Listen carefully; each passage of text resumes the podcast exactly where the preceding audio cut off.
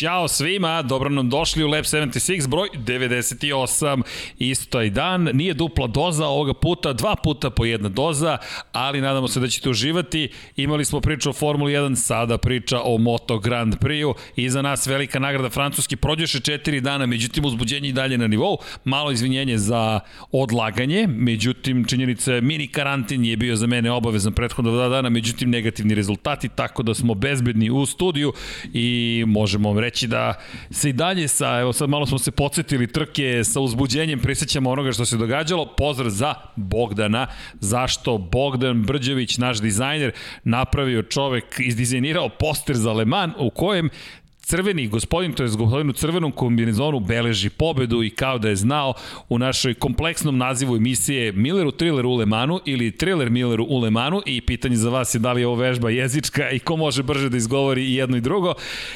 Pripade thriller Milleru u Le Manu, druga pobeda za redom Jacka Millera na Ducatiju, kakva trka. Prema što krenemo, naravno, vodite računa jednim od drugima, mazite se, pazite se, budite dobri i naravno pratite gospodina Dekija Potkonjaka na Instagramu. Nisam Čas, to davno učinio. Ćao, je to u čast gospodina Millera, ta crvena majica? Može da se može, može, može. može, ali kakva trka može. iza nas, baš je bio thriller ki, početak trke na suvom, pa kiša, pa nastavak trke po suvom, promene motora, padovi, pobede, e, plač, suze opet, e, druga za redom, prvi australijenac od 2012. koji slavi dve pobede za redom, tada Casey Stoner legendarni na Hondi, ne na Ducatiju, na Hondi, međutim evo dve pobede za redom i nekim stopama koje ne mogu reći da sam ja očekivao nužno, pogotovo ne posle prve tri trke, dva deveta mesta, jedan pad, Gospodin Jack Miller, molim lepo, Juri Trilling, sada Juri Triller Miller, ali u Muđelu, ni manje ni više na domaći stazi za Ducati. Kakav je tvoj utisak posle ova četiri dana? Ja sam baš bio uzbuđen kada se sve završilo. Pa ono, i u najavi smo rekli, Le Mans je uvek nepredvidljiv na, na razno razne načine, a ovoga puta se sve spojilo.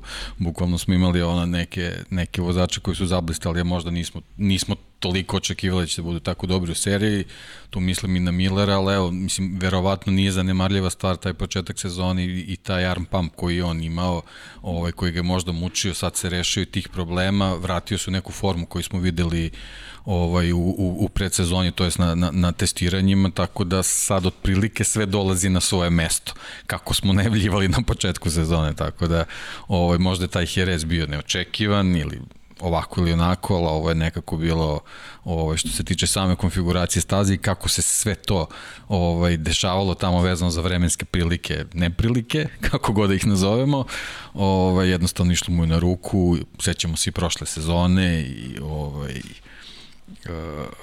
pobede Ducatija. I znači, njegov problem tako je, tehničke tako je, da. prirode. I njegov problem, da, gde, gde i on isto konkurisao, konkurisao sa Petrućem zajedno za pobedu.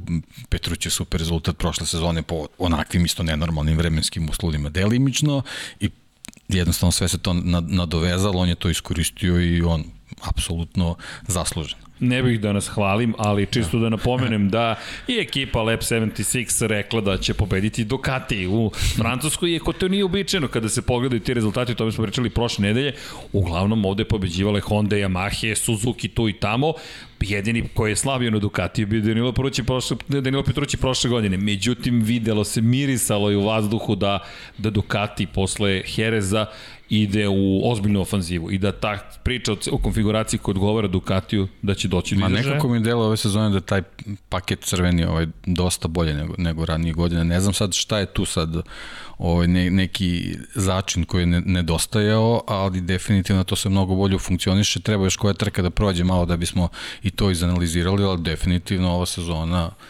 stvarno, stvarno super funkcioniše. Što se tiče njih i Zarko, i Banjaja, i Miller, to je, eto, nažalost, Jorge ovaj, pad, povreda, mislim vratit će se i on, ali to je... Da, Jorge Martin da, mada da, je rekao da, da, da, da neće doći u Mugello. Mislim da, da je to da pametna nada... stvar. Pa po da. meni mislim da Mugello onako nije baš posle tako teških stvari baš da se u Mugello vraća što ovaj nije nije Iz baš mesto razloga. nije M da kratak period oporavka da. M Mugello dosta je zahtevna staza da. dosta znači ipak sledeća trka je Barcelona imaš dugački pravac brate mili da se odmoriš lepo se spremiš za nastavak kruga i imaš tako dalje imaš i Mugello dugačak pravac pa samo jeste, se ne ali nije baš nije baš za odmor samo tamo nema spavanja nema tu odmora da. tako da mislim da je, da je to ok odluka i, i u svetlu svih nekih situacija situacije koje smo imali ovaj, u, u prethodnim periodu, mislim da je pametno da, da, da se ne žuri sa povratkom. Da, i Katalunija još domaća staza, tako, tako da je, tako manji, i manji i kraći put, tako da za Jorge Martina povratak na fabrički Ducati, četvrti da. fabrički Ducati planiran je za... Važno je ta sad fizička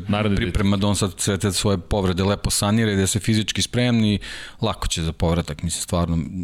I prošlu godinu znamo da, da ima problem i svašte to se nešto izdešavalo, nema razloga da se žuri. Jorge Martin u svakom slučaju dolazi nazad na stazu. Do tada Tito Rabat ga menja, ali to je nekako najmanje priče u svemu ovome što se desilo. Tri velike priče smo imali. Zaista, imamo ih mnogo, ali tri se ozbiljno izdvajaju pobeda Jacka Millera, pogotovo što je to druga uzastopna pobeda, pogotovo što je to pobeda na stazi na kojoj Ducati nije imao mnogo uspeha, pogotovo što je to Australijanac na Ducatiju. Sve te priče su se nekako poklopile i sada dolazimo do jednog bitnog momenta, a to je zapravo sledeća priča dva Francuza na pobedničkom postolju. Joan Zarko na još jednom Ducatiju koju malo na kraju nije nadoknadio tu prednost koju je stekao Miller na početku. Pričat ćemo o tome, samo da prvo konstatujemo rezultate. I Fabio Quartararo, dve trobojke i Francuzi vrlo ponosni. Nije dvostruka pobeda, nije, nije pobeda, ali bez obzira na to oba francuska da vozača u kraljevskoj klasi tako je. Kao da jeste, jedan na Ducatiju i jedan na fabričkoj Yamahi i vođstvo Fabio Quartararo u prvenstvu sveta poen da, prednosti. Da, poen prednosti, eto tu je bila neka igra slučaja, pričat ćemo i o tome, ali Quartararo koji je, koji je isto prošao priču kao, kao i Miller vezano za operaciju podlaktice, oni, oni, ona, ona, ona katastrofa vezana za, za, za Jerez i sve što mu se izdešavalo s tom povredom i, i operacija i, i, i ultra brzo oporavak i ja mislim da je ovo stvarno posle svih uh, uh, neprilika koje su bile u Le Manu videli smo i njegovu reakciju posle trke jednostavno to je to je ravno pobedi, zaista. I, I treća velika priča koja nas dove, dovodi do podnaslova koji smo uveli za, za petu rundu, Yamaha 3, Ducati 2, to je dve pobede, nijedan drugi proizvođač nije pobedio, ali postojala je mogućnost da gospodin, iako su ovo boje posvećene McLarenu, zato što smo snimali Lab 76 broj 97 pre ovoga, pa McLaren sa svojim posebnim bojama u Monaku, činjenicam ovo kojim bojama Mark Marquez, verovatno inspirisan specijalom od prošle nedelje Lab 76, u malo ljudi nije došao do triumfa, neverovatna vožnja, međutim, dva ozbiljna pada i rekao je nije ljut na, na prvi pad i nije toliko ljut, rekao je guma je mila malo hladna, međutim drugi rekao je, pazi o čemu je razmišljao, to je fascinantno, ali pričat ćemo detaljnije, čekao sam moment kada da pređem na gume za suvo Slikove, da. i prestao sam da razmišljam, nisam se dovoljno bavio uslovima na stazi, nego razmišljao koji je dobar trenutak za prelazak na suvo, zato si iznervirao onoliko, jer su i dalje verovali da imaju šansu za ozbiljan rezultat fascinantno, ali u duhu onoga što jeste Mark Marquez. Pravi Mark Marquez. Samo da. pobeda. Apsolutno pravi Mark Marquez. Da, to je bukvalno opis Marka Markeza, jedna trka koja ga opisuje. Ona, ona reakcija posle drugog pada, mislim da je to trenutak kad smo dobili Marka Markeza nazad. Da, i onaj očaj koji se vidi, očaj, ona nezadovoljstvo nije koje se nije očaj, ona nezadovoljstvo, da, bes, bukvalno, da, da, da. pre nije očaj, bes, bes. Da. I ono što je meni bilo fascinantno da ga nisu okružili njegovi mehaničari, svi su zaboravili na uobičajene uloge. Sedi jedan ljutiti Mark Marquez, kosa mu je razbarušena. Znaš šta ne podsjeća, znaš, svi superheroji uvek imaju zategnutu kosu i on čovjek koji seda i vidiš da je besan. Ali tri, ta, ta priča prilično velika i mislim da je ozbiljno upozorenje za sve u nastavku sezone, mislim da će on i za njega da neće prezati dalje, da će ozbiljno rizikovati, ali Honda u malo nije videla sebe kako slavi prvu pobedu u skoro dve godine. Godinu i Situacija gde, gde se od njega ne iziskuje 100% fizička priprema, a to si ti najavio pre, pre ove trke, jednostavno se ispostavilo da je zaista tako. To je rekao. Kada zaista kiša tako. pada, drugačija je situacija. Tako je. Ali on će iz trke u trku, iz nedelju u nedelju, iz dan u dan biti sve spremniji, tako da vidjet ćemo, mislim, bukvalno, kažem, taj, taj trenutak i taj gest koji mi je pokazao koliko je iznerviran je samo najavio njegov povratak i bukvalno čekamo da vidimo kad ćemo ga dobiti maksimalno spremno. I onda, a onda možemo i da vidimo te neke krajnje domete te Honda, koja definitivno treba još da se radi na njoj da bi se dovela u, u, u neku maksimalnu spremnu, spremu koju, koju može da pruži taj motocikl. Ali za sada, kako stvari stoje, priča se svodi da na, na Yamahu i Ducati i sad ne znamo ko će uopšte moći da im parira kada pogledamo koliko su dobri, što Fabio Quartararo, što tri vozača, sva tri trenutno vozača koje su angažovane za ovu sezonu na Ducati ima, ko može da parira u toj cijeloj priči. Četvrta pozicija pripala Francesco Banjaji, koji je bio vodeći u šampionatu sveta, ima prednost od 3 poena, sada zaostaje samo jedan poen za Fabijom Kvartararom. To zbog 3 km na čas. Da, ali Pravila su pravila. Pravila su to i on pravila. rekao i pozdravljam njegovu tu izjavu, čim je neke stvari isto presekao i sprečio i volao bi da, da ovaj, njegovim primjerom krenu i drugi vozači kad, kad se radi o takvim situacijama. pa to je pravilnik. Da. Ako si I to je prekršio ono što i mi pravila, navijamo. Znači, ako, ako takva pravila postoje, onda moraju da se primenjuju svima jednako i to je to. Samo da, da, da, da damo kratku rekapitulaciju, rekapitulaciju trke ukoliko je moguće to učiniti za Le Mans. Teško. Fabio Quartararo Da na, na, na pol poziciji, da. Maverick Vinales pozicija broj 2, dve fabričke Yamahe na prvom drugom mestu, rekli su da su prijatno iznenađeni zapravo Jeste, tom ali- vrstom tempa. Nekako smo mi to očekivali. To je je- Yamahi odgovara ova Tako staza, je, to znamo. Hondi odgovara kada su njeni vozači na najvišem mogućem nivou. Dakle, pričamo o Daniju Pedrosi, pričamo o Marku Markezu. Jack Miller pozicija broj 3, Franco Morbidelli još jedna Yamaha, činjenica dve godine stara, startno mesto broj 4, Joan Zarko na Ducatiju, peti još domaći, kao i Quartararo domaći, Mark Marquez šesto startno mesto, u jednom trenutku Honda su izgledale kao da će uzeti prve tri pozicije, Takaki Nakagami, sedmi, pa Pole Spargaro, tri fabrički Honda jedna za drugom, Valentino Rossi, zahvaljujući inteligentnoj vožnji, dobroj vožnji, pozicija broj 9, sve četiri Yamahe među vodećih 10, Miguel Oliveira za KTM, deseta pozicija, Lorenzo Savadori na Aprili, pohvale, bravo za Savadorija, za prolazak kroz Q1 za početak i tu njegovu priču da po kiši više vozi kao da je Superbike, ne mora da bude zanimljivo toliko precizan, koliko Moto Grand Prix traži preciznosti, Superbike kaže da je dozvoljava više Uživancije. Da, više proklizavanja i Savador je tu prosto iskoristio priliku, ali ja bih se osvrnuo i tvoj komentar. Muđelo, po kiši, bio u tom trenutku testirao Andreja Doviciozo.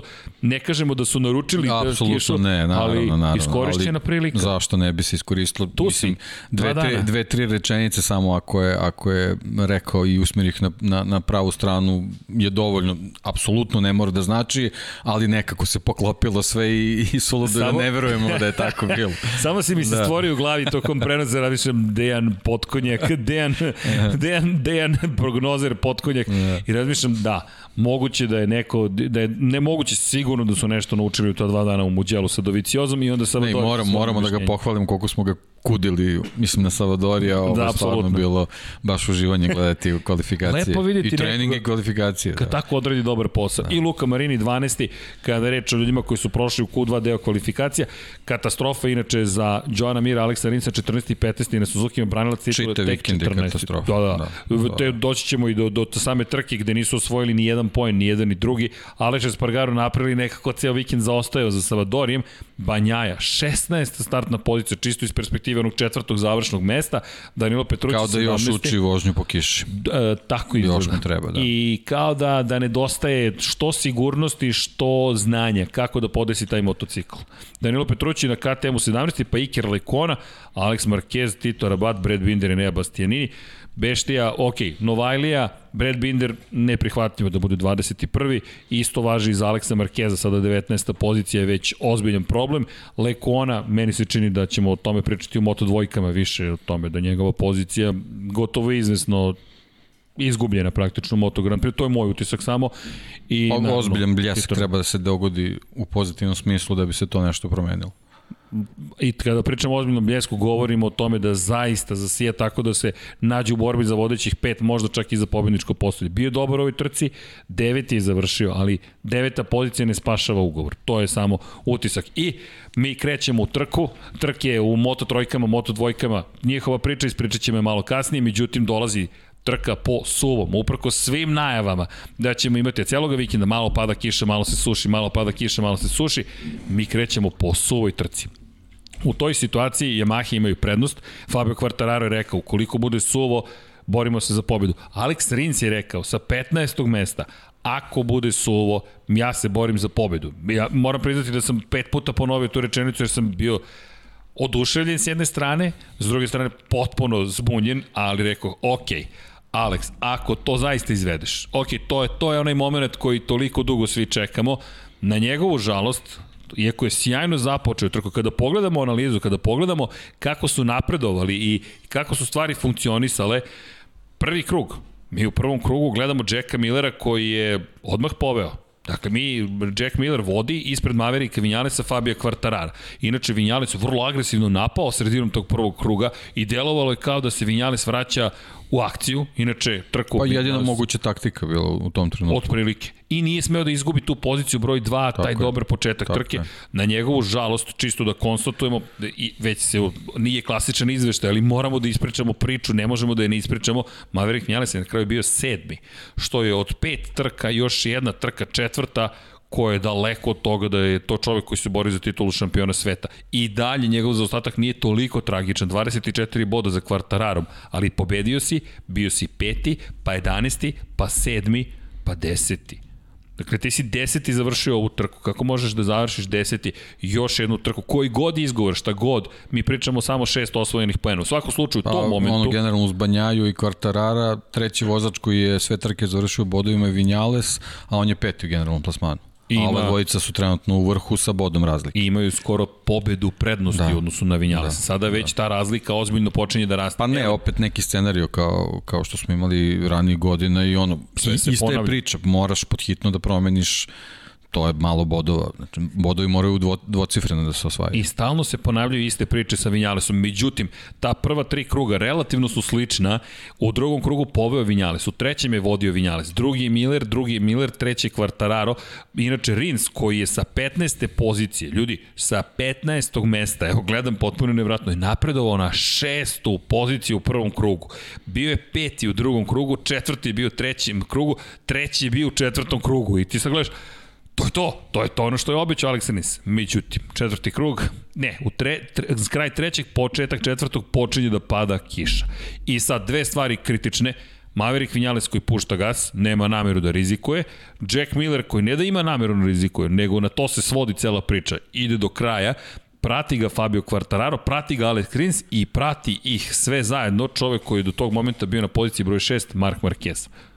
Marquez da. koji zapravo, Vanja, možemo da bacimo pogled, to je, momčilo napravio fenomenalnu grafiku na in and out laps.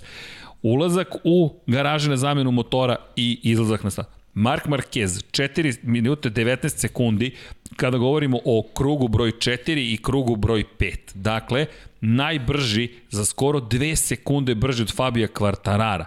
Ali pogledajte razliku u odnosu na Jacka Millera, ovo je zastrašujuće. To je 7,3 sekunde koje je nadoknadio Mark Marquez. Ili I, recimo 20 sekundi u odnosu na Vinjalesa. Na primjer, 20 sekundi. 20 sekundi. Da.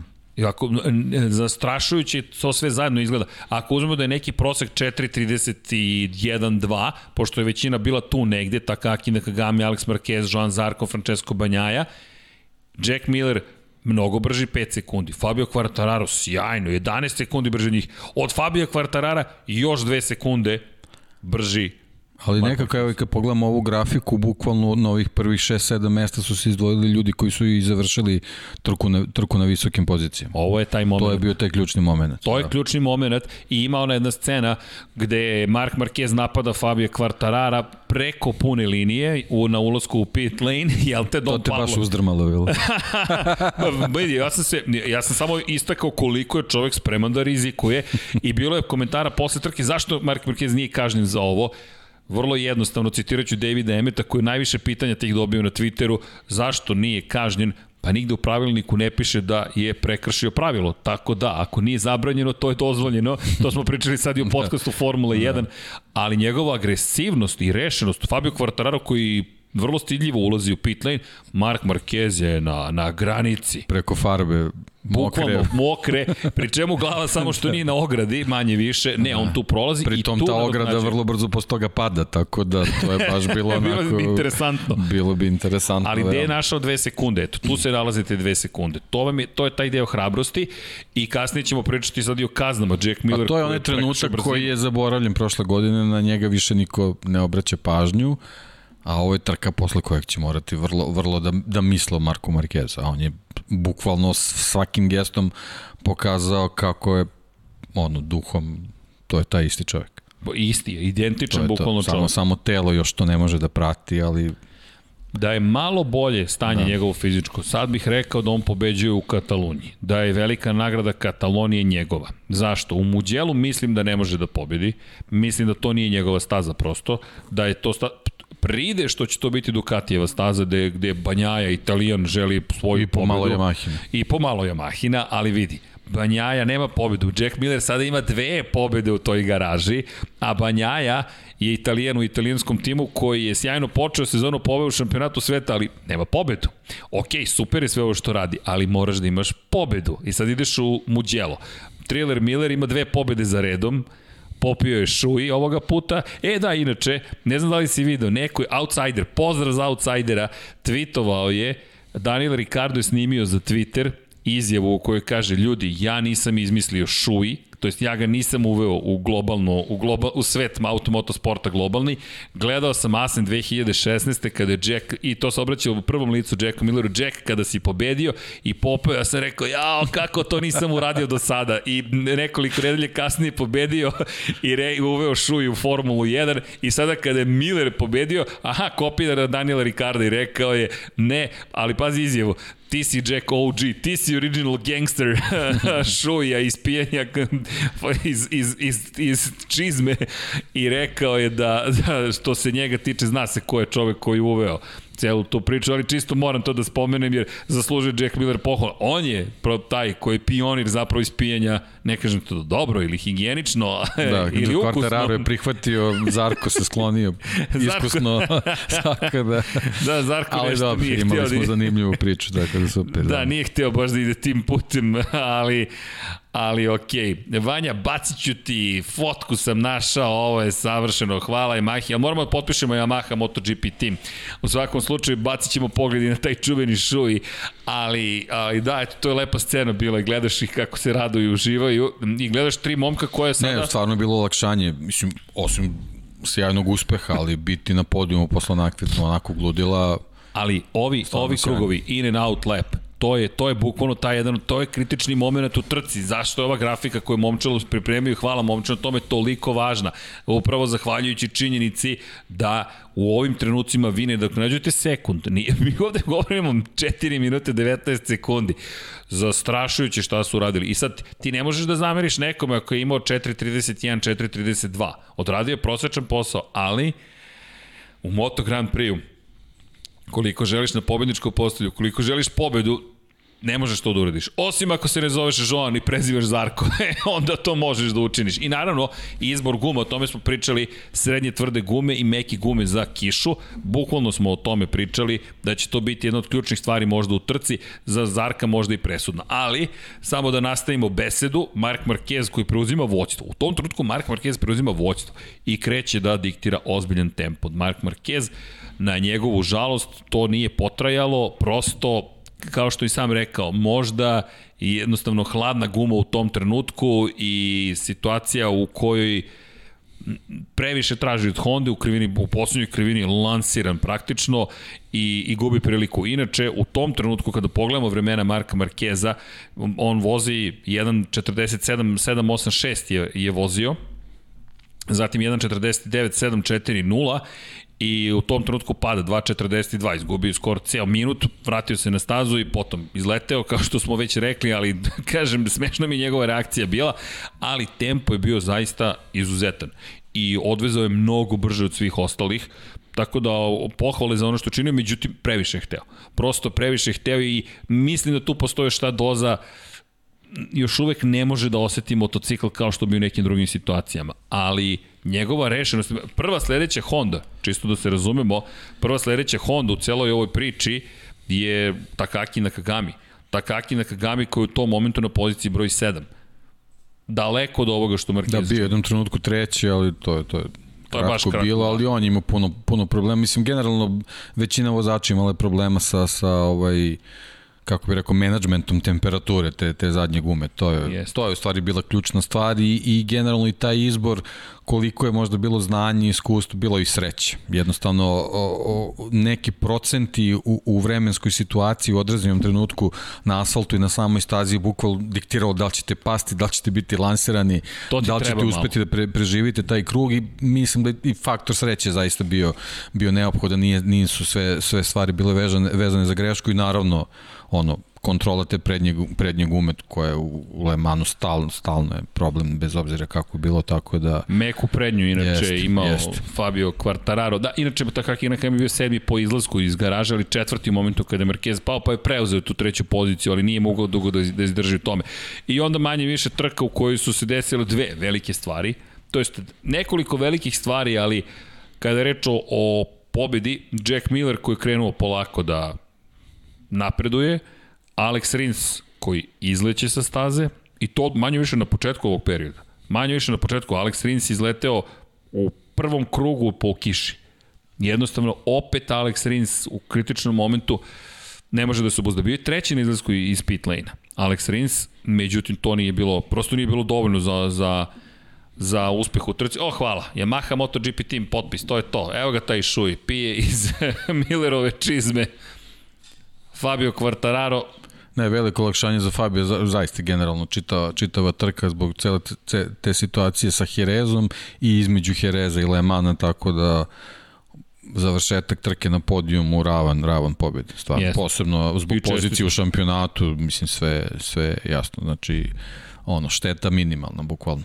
On ima Bukvalno mnogo, mnogo kraći, najkraći period oporavka imao vezano za operaciju. I tako da- preuzeo da. vođstvo u šampionatu sveta. Upravo to. On vodi. Jedan poen, jedan poen. Bukvalno pre šest, šest dana pre trke bio u zavojima sa, sa šavovima, a po završetku trke vodiš u šampionatu sa bodom prednosti. To je, I bio si na da. pobedničkom postolju da, u da, Francuskoj. Tako je. I na legendarnom Lemanu. Ipak je to legendarna staza koliko god, preko 110 padova tokom ovogodišnjeg šampionata. Sve, se, sve su glasni ti zahtjevi da se promeni staza u Francuskoj. Ne da se izbaci Francuska, nego da Le Mans bude zamenjen nekom drugom stazom. Pričali smo o tome da uglavnom se u Le Mans, Le je izabran zato što privlači mnogo više publike. I Pariz je bliži. Da, kada govorimo o Paul Ricard stazi, to je jug Francuske to je sad interesovanje, da li bi to privuklo Špance, Paul Ricard je generalno staza na koju gledalci slabo dolaze, tako da to je, to je, to je problem bio i onoj prvi priče s Formulom 1 tamo 90. godina. I inače, krenulo je, bilo je super, ali onda, onda jednostavno interesovanje krenulo da je njemu upravo iz tog razloga jako je teško doći tamo ona je dobila neku svoju drugu svrhu i u, i u Formuli 1 i onda praktično je zaboravljena na taj način. Dok manji kur je veoma opasna staza po meni, ne, ne bih uopšte želao da ih vidim tamo. Ne, Formula iskreno, 1, ok, iskreno, da. MotoGP ne. Pa i za automobile, nakon Ni, nisam baš ovaj, Nisi ima tu nekih elemenata. Pa, mislim, kako bih rekao, staza je veoma izazovna po svojoj konfiguraciji, ali mislim u, u današnjem vremenu da, da, da se vraćamo na neke opasne staze, mislim da ne, nema razloga. A ima Nikor ima svoj problem. On se nalazi bukvalno u, možemo reći, jednom udaljenom kraju Francuske pa, iz perspektive Francuzi izgleda vole da prave staze na, na udaljenim mestima. Mislim, nekog razloga, da, ne vidim da, drugi ne, razlog. Ne vidim razlog zašto se to tako radi, ali, ali tako se radi i, i eto iz svih tih nekih situacija Le Mans je ipak nekako najbolje rešenje, možda samo treba pogoditi ovaj, ne, neki period godine kad je to malo, malo normalnije. Da, Aleš Espargaro se žalio u petak veče, rekao je da je prihvatljivo da dođu u Le Mans i da gume ne funkcionišu. Prosto da. da je prihvatljivo i tu se slažem s njim. Ako već Michelin zna, a zna, svi znamo, mi svi smo predvideli da će biti hladno i kišovito. Da. Ali znaš kako, ja da sam bio na Le Mansu za vreme 24 sata Lemana, ti si preko dana, bukvalno ti ne treba ni majica i šorc do uveče bez problema oblačiš jaknu duksericu. Ne, neverovatna razlika u temperaturi u sred leta. A kamoli u maju. A, a viđali smo i, i, i, i na, na da poslednjih nekoliko trka automobilski 24 sata Lemana da ono, krene kiša da pada bukvalno onako iz čista mira. Pa evo, sad smo to i opet imali. Da. Posle četiri kruga kreće kiša i vrlo brzo prestaje da pada i suša. U da. trenutku to je, bio, to je bila oluja. Da. To je bilo luja. Ruše se elementi u pozadini, gledaš krošnje drveće Inače koje... pričamo, a, Bugatti staza je na jako malom prostoru, nije, nije to, ne, ne pričamo mi o, o ne znam, o spa, gde je... Gde na, da, da, da, to je jako mali prostor i neverovatno je kako se, kako se smenjuje. A opet ovaj, pogledaš gornji deo prilike. staze, ima kiše, donji deo staze nema kiše. Mikroklina da, da, da, kako funkcioniš. Bukvalno golim okom to sve može se vidi. Nevrovatno. Ali Tako da meni je teško- zbog toga izazovna, mislim, eto, jednostavno o, o, bili su opasni, ne, nezgodni ovaj, e, uslovi za vožnju, ali nekako se ispostavi da i koliko god je teška situacija, ispadne da je, da je bezbednija nego neke druge staze koje se voze po suvu. Pa nije bilo toliko ozbiljnih incidenata. Da. Dakle, A znamo koliko mnogo padova ima. Sećamo se Ima prošle godine Marini, onaj pad je stvarno izgledao... kiše kada je lansiran po ispod Dunlopovog mosta. Da. Jeste, to je jedan od najtežih padova koje smo videli. Da. Ali da, mnogo je padova, činjenica, međutim teško da će to biti promenjeno. Da. Elem, Alex Rins sebe izbacio ponovo sa staze. Ono što nismo očekivali, makar ja nisam očekivao, jeste da će sa staze izleteti i svetski šampion. Da ćemo vidjeti Joana Mira zapravo kako ne završava trku, ali i to se desilo. Tako čisto spomenjem kao vezu Suzuki prosto koji koji je imao katastrofalne kvalifikacije, postojala je nada da će nešto učiniti, međutim, iako je Rins imao taj fantastičan start, nije loš bio, deveti je bio posle prvog kruga i, i Joan Mir, lepo je napredo u jednom trenutku, međutim, Mir jednostavno nije mogao nije mogao više od toga. Jednostavno Joan pa, Mir napravio da, veliku grešku. I netipična stvar za njega. Ovaj. Jeste. On da je, da je pokušao da upali motocikl da se vrati u garažu, mogao nastaviti trku. On je tek kasnije... Tek je kasnije shvatio, shvatio da. e, to, je, to je onako netipično za njega, jer, jer poznajemo ga kao momka kojim stvarno mozak radi 300 na sat. I koji se ne prede. I, da, i, i, i odlično kalkuliše razne situacije. Ovo je izgleda baš bio onako trenutak, ovaj, adrenalin je ovaj, prevagnuo, verovatno se on i prilično iznervirao zbog greške da u situaciji kad, kad već razmišljaš o odlasku u, u, u garažu po novi motocikl, ti padaš, i jednostavno prekid filma i on, on, on peške kreće ka, ka boksu umesto pokuša da, da, da upali motocikl, pritom nije bio težak pad, znači moguće da bi, da bi ga lako startovao. I Sad da možemo osvoju neke poene. Neke poene, Što kao što je Morbidelli znači. gurao motocikl svoj i tako dalje, ali Da, doći ćemo jednostavno i- taj neki trenutak, eto jednostavno njegova žuta minuta koja može da se desi, ali verujem da je ovo sad samo njemu jedna velika škola. Suzuki generalno katastrofalan. Rins. Ne, ne sećam se Pazi, treća na ovakav način, da. Treća trka za redom da ne osvaja poene. Dva pada i jednom van bodova. Da. Ali da li, deki, možemo već sada da počnemo da pričamo o Davidu Briviju? Pa moguće, moguće. Ima Znaš, svega. Nedostaje ima svega, ti glava da. koja može da primiri situaciju koliko Ne god samo, nego upravljali. jednostavno glava koja, koja diriguje. Ti, moraš da ima, ti možda imaš najbolju filharmoniju na svetu, ako u nekom trenutku nedostaje dirigent, lako možda se desa se neke note pogreše. Tako da mislim da im da im treba. Ono super je to da da se funkcioniše na nivou kolektiva, ali mora neko da bude Neko mora da seče da stoji iznad, da. i mora da, Da. donese izbor, ipak to su, odluku, to su ipak mladi vozači, bez obzira. Šampion si, sve super, ali jednostavno neko, neko mora da bude tu. Meni deluje da se zaista osjeća obezglavljenost. Da. I da to što su odlučili da upravljaju komitetom je romantično. Pa to kažem, da, to, ali- je, to je super, to sve simpatično onako zvuči, ali mora neko, neko da bude tu. Ne je- kažem da mora bude neko tu da bi lupio uh, šakom o sto, nego jednostavno mora neko da bude da u kriznoj situaciji bude taj koji će povuče konc. Deki, ovo je bojno polje. Da, I tu da. Man, ovo je stvar da vremena. bukvalno u sekundama se Tako nešto je. odlučuje. I tu ne možeš da, Da. čekaš da izglasate šta Pri će da tom, se pri tom situacije nije kao ajde da, da, da stalno poredimo s Formulom 1, pa ajde i ovom, ti nemaš non stop komunikaciju s vozačem. Izvini, to je ono što je Brivio pričao. E, bravo, to si Razlika spomenuo, između da. Brivija, Tako je. to je između, oprostite, Brivija u Formuli 1, ajde tako da se izrazim i Moto Grand Prix, rekao je Formula 1 i MotoGP, po čemu se razlikuju u razgovoru za motosport? Što vi tokom trke stalno pričate s vozačem Formula 1, to je njemu bio kulturološki šok. U MotoGP-u, pozdravite se na startnom ciljnom pravcu, kažete ćao, Srećno i, i vozi. gledaš monitor i mm, nadaš se da znaš šta radi. I imaš tablu eventualno ili instrument panel da mu pošalješ neku kratku poruku, ali ta komunikacija uradi ovo, ovaj te prati, ovaj se nalazi ovde. Ti i rekao da mu je šok bio, rekao ok, ovo će da potraje kada je upravljao prvom trkom i rekao sat i po me očekuje trke 40 i par minuta traje trka MotoGP rekao je to je toliko brzo prošlo jer je tolika tenzija u komunikaciji s vozačima to se ni ne osjeća zapravo na adekvatan način tokom prenosa tako da postoji razlika ali opet Brivio ne, mislim da nedostaje i da će ga teško Pa nadomestiti. brivio, neki brivio. Neki Brivio. Neki brivio nedostaje sad, znaš, da li, da li, je, da li je baš on svojim talentom bio, bio taj koji je uradio sve što je uradio ovaj, i gde je vrhunac bila Mirova titula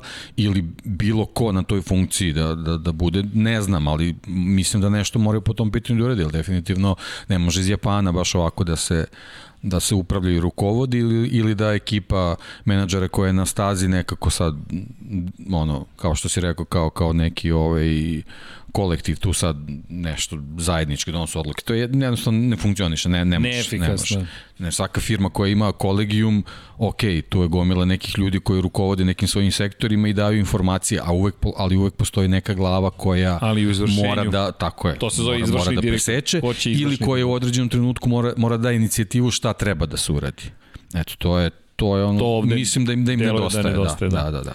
U svakom slučaju, jednom u petom krugu, već zapravo u šestom, mi nemamo ni Mira u trci, ni Rinsa u trci. Fijasko za da. Suzuki, potpuni fijasko. U tom momentu Marquez je još ali rekli smo sedmi krug, Markeza više nema na vodećoj poziciji, koji je nastavio trku.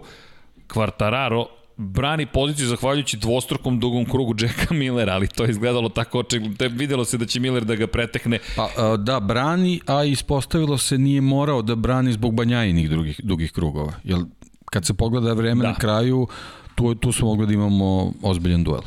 I pa no, duel koji smo i dobili, nismo nužno očekivali da. bio Zarka. Ako, može, ako, ako bacimo pogled na to kako je Zarko napredovao ka Kvartararu, Kvartararu koji je u momentu držao prvu poziciju jer je čekao da Miller nije čekao, ali pokušao, sjajne krugove vozio, hvala, Joan Zarko, naravno, samo baranje, samo pojačavanje tempa i ovo je od momenta kada su preuzeli gume za, za, za, za suvo zapravo i poči, za kišu, oprostite, i počinje da se spušta vreme, ali njegovo, razlika njegova u odnosu na Kvartarara je još indikativnija zapravo. To otprilike ima isti ovakav trend i možete vidjeti Kvartararo, Zarko, prosto od Super 15. grafika, kruga. Da, da, da, hvala da, Momčilu za grafiku, hvala Ivanji za realizaciju kao i uvek, tandem fantastičan i ovde gledate tandem fantastičnih vozača, ali razlika je u potpunosti u korist Joana Zarka. Zarko koji je imao zadnju meku gumu, napred je imao srednje tvrdu gumu, zapravo ne, imao je zadnju srednje tvrdu i napred srednje tvrdu, prednju gumu srednj, uh, meku je imao Kvartararo, a meku pozadnje imao Miller i to je na kraju bilo zapravo presudno, to je rekao Zarko, da sam imao meku zadnju na početku, pa da vozim agresivnije, možda bi ga sustigao. Ili da je krug ranije ovaj, o, to je rekao, da. zamenio da. i da je mogao da napravi pritisak na, na Milleru, Miller bi možda svoju gumu malo više potrošio, pa bi finish bio zanimljiviji, ali I to je veliko Kažem, i to, ako, i to je taj to je neki pitanje. faktor sreće koji je bio u tom trenutku. A u svakom slučaju, da. Zarko, u momentu kada je, kada je preuzimao vodeću poziciju Jack Miller, što je učinio u 12. krugu, nije izgledao baš kao čovek koji će odjednom da sustigne niti na Kagamija, niti Kvartarara. Sve ih pretekne i čak se baci u poteru za, za Jackom Millerom. Ali i to je učinio, evo Kvartararo protiv Millera, ali u suštini kao što možete vidjeti, mi ovde govorimo o kaznama, obeleženo belom 9. ta 9. i 10. krug, koliko je Miller uz dugi krug vozio. Vozio je još brže u 10. krugu od Kvartarara, a obavio je kaznu. Kazna inače za prebrzu vožnju, 60 km na čas ograničenje. Dobro, on je obilo to 72 km na čas, da, 20 da. je bilo već. Banja je za 3 km, 63 je vozio. Ali i dalje da, da, bio da. brži. Da, da, sve okej, okay, naravno. I to je sad na Ducatiju opet da, da kaže, ej čekaj, gde smo pogrešili u celoj ovoj priči to jest zašto su njihovi vozači pogrešili na ulazku u pit lane. Jer samo su njihova dva vozača pogrešila. Da. Znaš, gde, gde je greška, djeluje mi kao timska greška. Pa dobro, pazi, ovo je škola koja baš je jeftino plaćen. E, za ovoga puta jeste. Baš jeftino. Pobe, da. Miller pogotovo pobedio je. Njegovo je da, ali, to, ali to je ta razlika. Ti nemaš nikog u slušalicama, ti govori pazi na brzinu, pazi na ti si sam na svom. Mozak mora 300 na sat zaista ti radi u svakom trenutku i ovo ih je baš onako... Trk baš su se onako dobro proveli. Koje Kako dimenzije? Mogli, to je dupli dugi krug. Dupli dugi krug, pri čemu ti da. moraš u pravom trenutku da promeniš gume, ti onda moraš da voziš dovoljno brzo, a opet dovoljno sporo i precizno da, da, da ne prekršiš ograničenje brzine i nemoj zaboraviti kasnije kaznu Fabio Quartarara, ima i on jedan dugi krug i doći ćemo i na tu priču i onda imaš Markeza koji te napada sa unutrašnje strane u pit lane, gde, gde verujem da se Quartararo nije pitao kad je video koga napada, napadali, mislim da bi u svakom drugom slučaju bilo sa upitnikom iznad glave, otkud sad ti, zašto, ok, Marquez, to smo svi, svi navikli, i Quartararo, opet, brzina 300 na sat mozga, koji je promašao, pri čemu je rekao da je hteo da uđe kod Bastianinija prvo. Dakle, da je, da je, da, da malo nije promašio u garažu u potpunosti. I onda je skrenuo zapravo, moram priznati da, da, da Žao mi je što je dobio tu kaznu, ali ušao u pogrešnu garažu, fakat ušao u pogrešnu Ako garažu. piše u pravilima, Da, moram okay. ti priznati, nisam, ovaj, mi, mi, mini izolaciju nisam dovoljno iskoristio da pročitam u potpunosti pravilnik, ali ostaću dužan taj odgovor. Ali činjenica je da je promašio garažu, seo je na pravi motor, samo što su morali motocikl kroz, kroz Vinjalesovu garažu da provuku dalje i dobio je kaznu jednog jednog dugog kruga Fabio Quartararo. Tako da, suštinski jedan krug samo imao više, da kažemo, Jack Miller kao i Francesco Banjaja. Opet nijanse odlučuju, ali o čemu sve moraš da razmišljaš da bi ti zabeležio pobedu u Moto da, ali eto kako bismo samo drugačiju trku imali da Banjaja ta 3 km nije prestupio, ne bi imao ta dva duga kruga i dobili bismo ozbiljan thriller na kraju. Banja, da. Banjaja je bio sekund i Veći po. thriller nego, nego što jeste. 1,7 sekundi je završio iza Fabija Kvartarara. Kvart, Zarko i Miller su bili u nekoj drugoj dimenziji. To, to, tome, Da, da, da. To, tome ni ne, ne diskutujemo. Jednostavno, Banja bi možda se možda popeo na treće mesto, što je opet razlika između vodećeg i drugoplasiranog u šampionatu sveta. Ali o, to, je, to su te razlike. To su I, i te zaista, razlike, da. sjajne vožnje. Da, evo pogleda na Francesca Banjaju, Banjaja koji je eto, bio peti u momentu kada, se, kada je promenjen motocikl i onda pad, pa još jedan pad i onda polako odradio. Ali ovo je za mene šampionska vožnja. Ovako voze šampioni. Težak dan, težak dan, nema Težak problema. dan, da, da. Gde sam završio, nije loš, četvrto mesto. Odradio sam najbolje što sam mogao. Opet vratit ću se na Muđelu, iako ne bih da ga najavljujemo, ali mislim da, da, da već sada A, Mirov uspeh od prošle godine mislim da Sanja. je dosta vozača su ovako o, o, primili na način da, da nije svak smak sveta ako se na jednoj trci nešto loše dogodi, tako da ovaj, Banjaja nema potrebu da, da bilo šta forsira i on to na pravi način koristi. jedini koji ne podleže tome je Jack Miller. Jack Miller se drži starog pravila.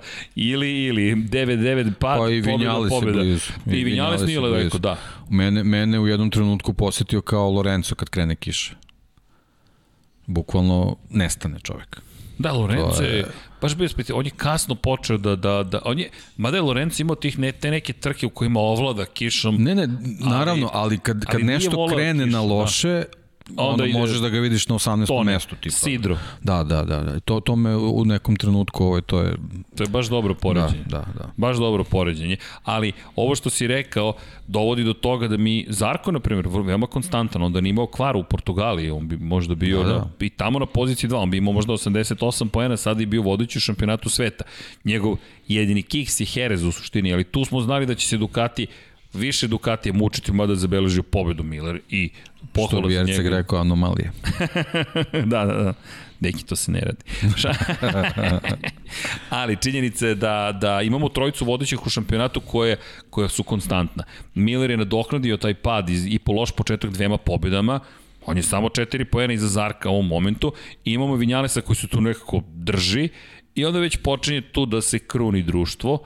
Mark Marquez, napomenut ću, 17. je u ovom momentu u šampionatu sveta, 16 poena i zaostaje 64 boda. I moram ti priznati da mene ovo podsjeća. Radili smo se cijel prošle nedelje, ko ovo želi ili voli da sluša o takvim vozačima ili specifično Marku Markezu, neka posluša taj čuveni Lab 76 broj 93 koji je došao posle nekih drugih brojeva, ali pričali smo o njegovim Moto2 sezoni broj 1, kada je zaostajao 82 poena za Štefanom Bradlom, imam utisak da bismo mogli da dobijemo takvu sezonu, da će se povećati za ostatak još, i da će onda krenuti nešto sasvim drugo.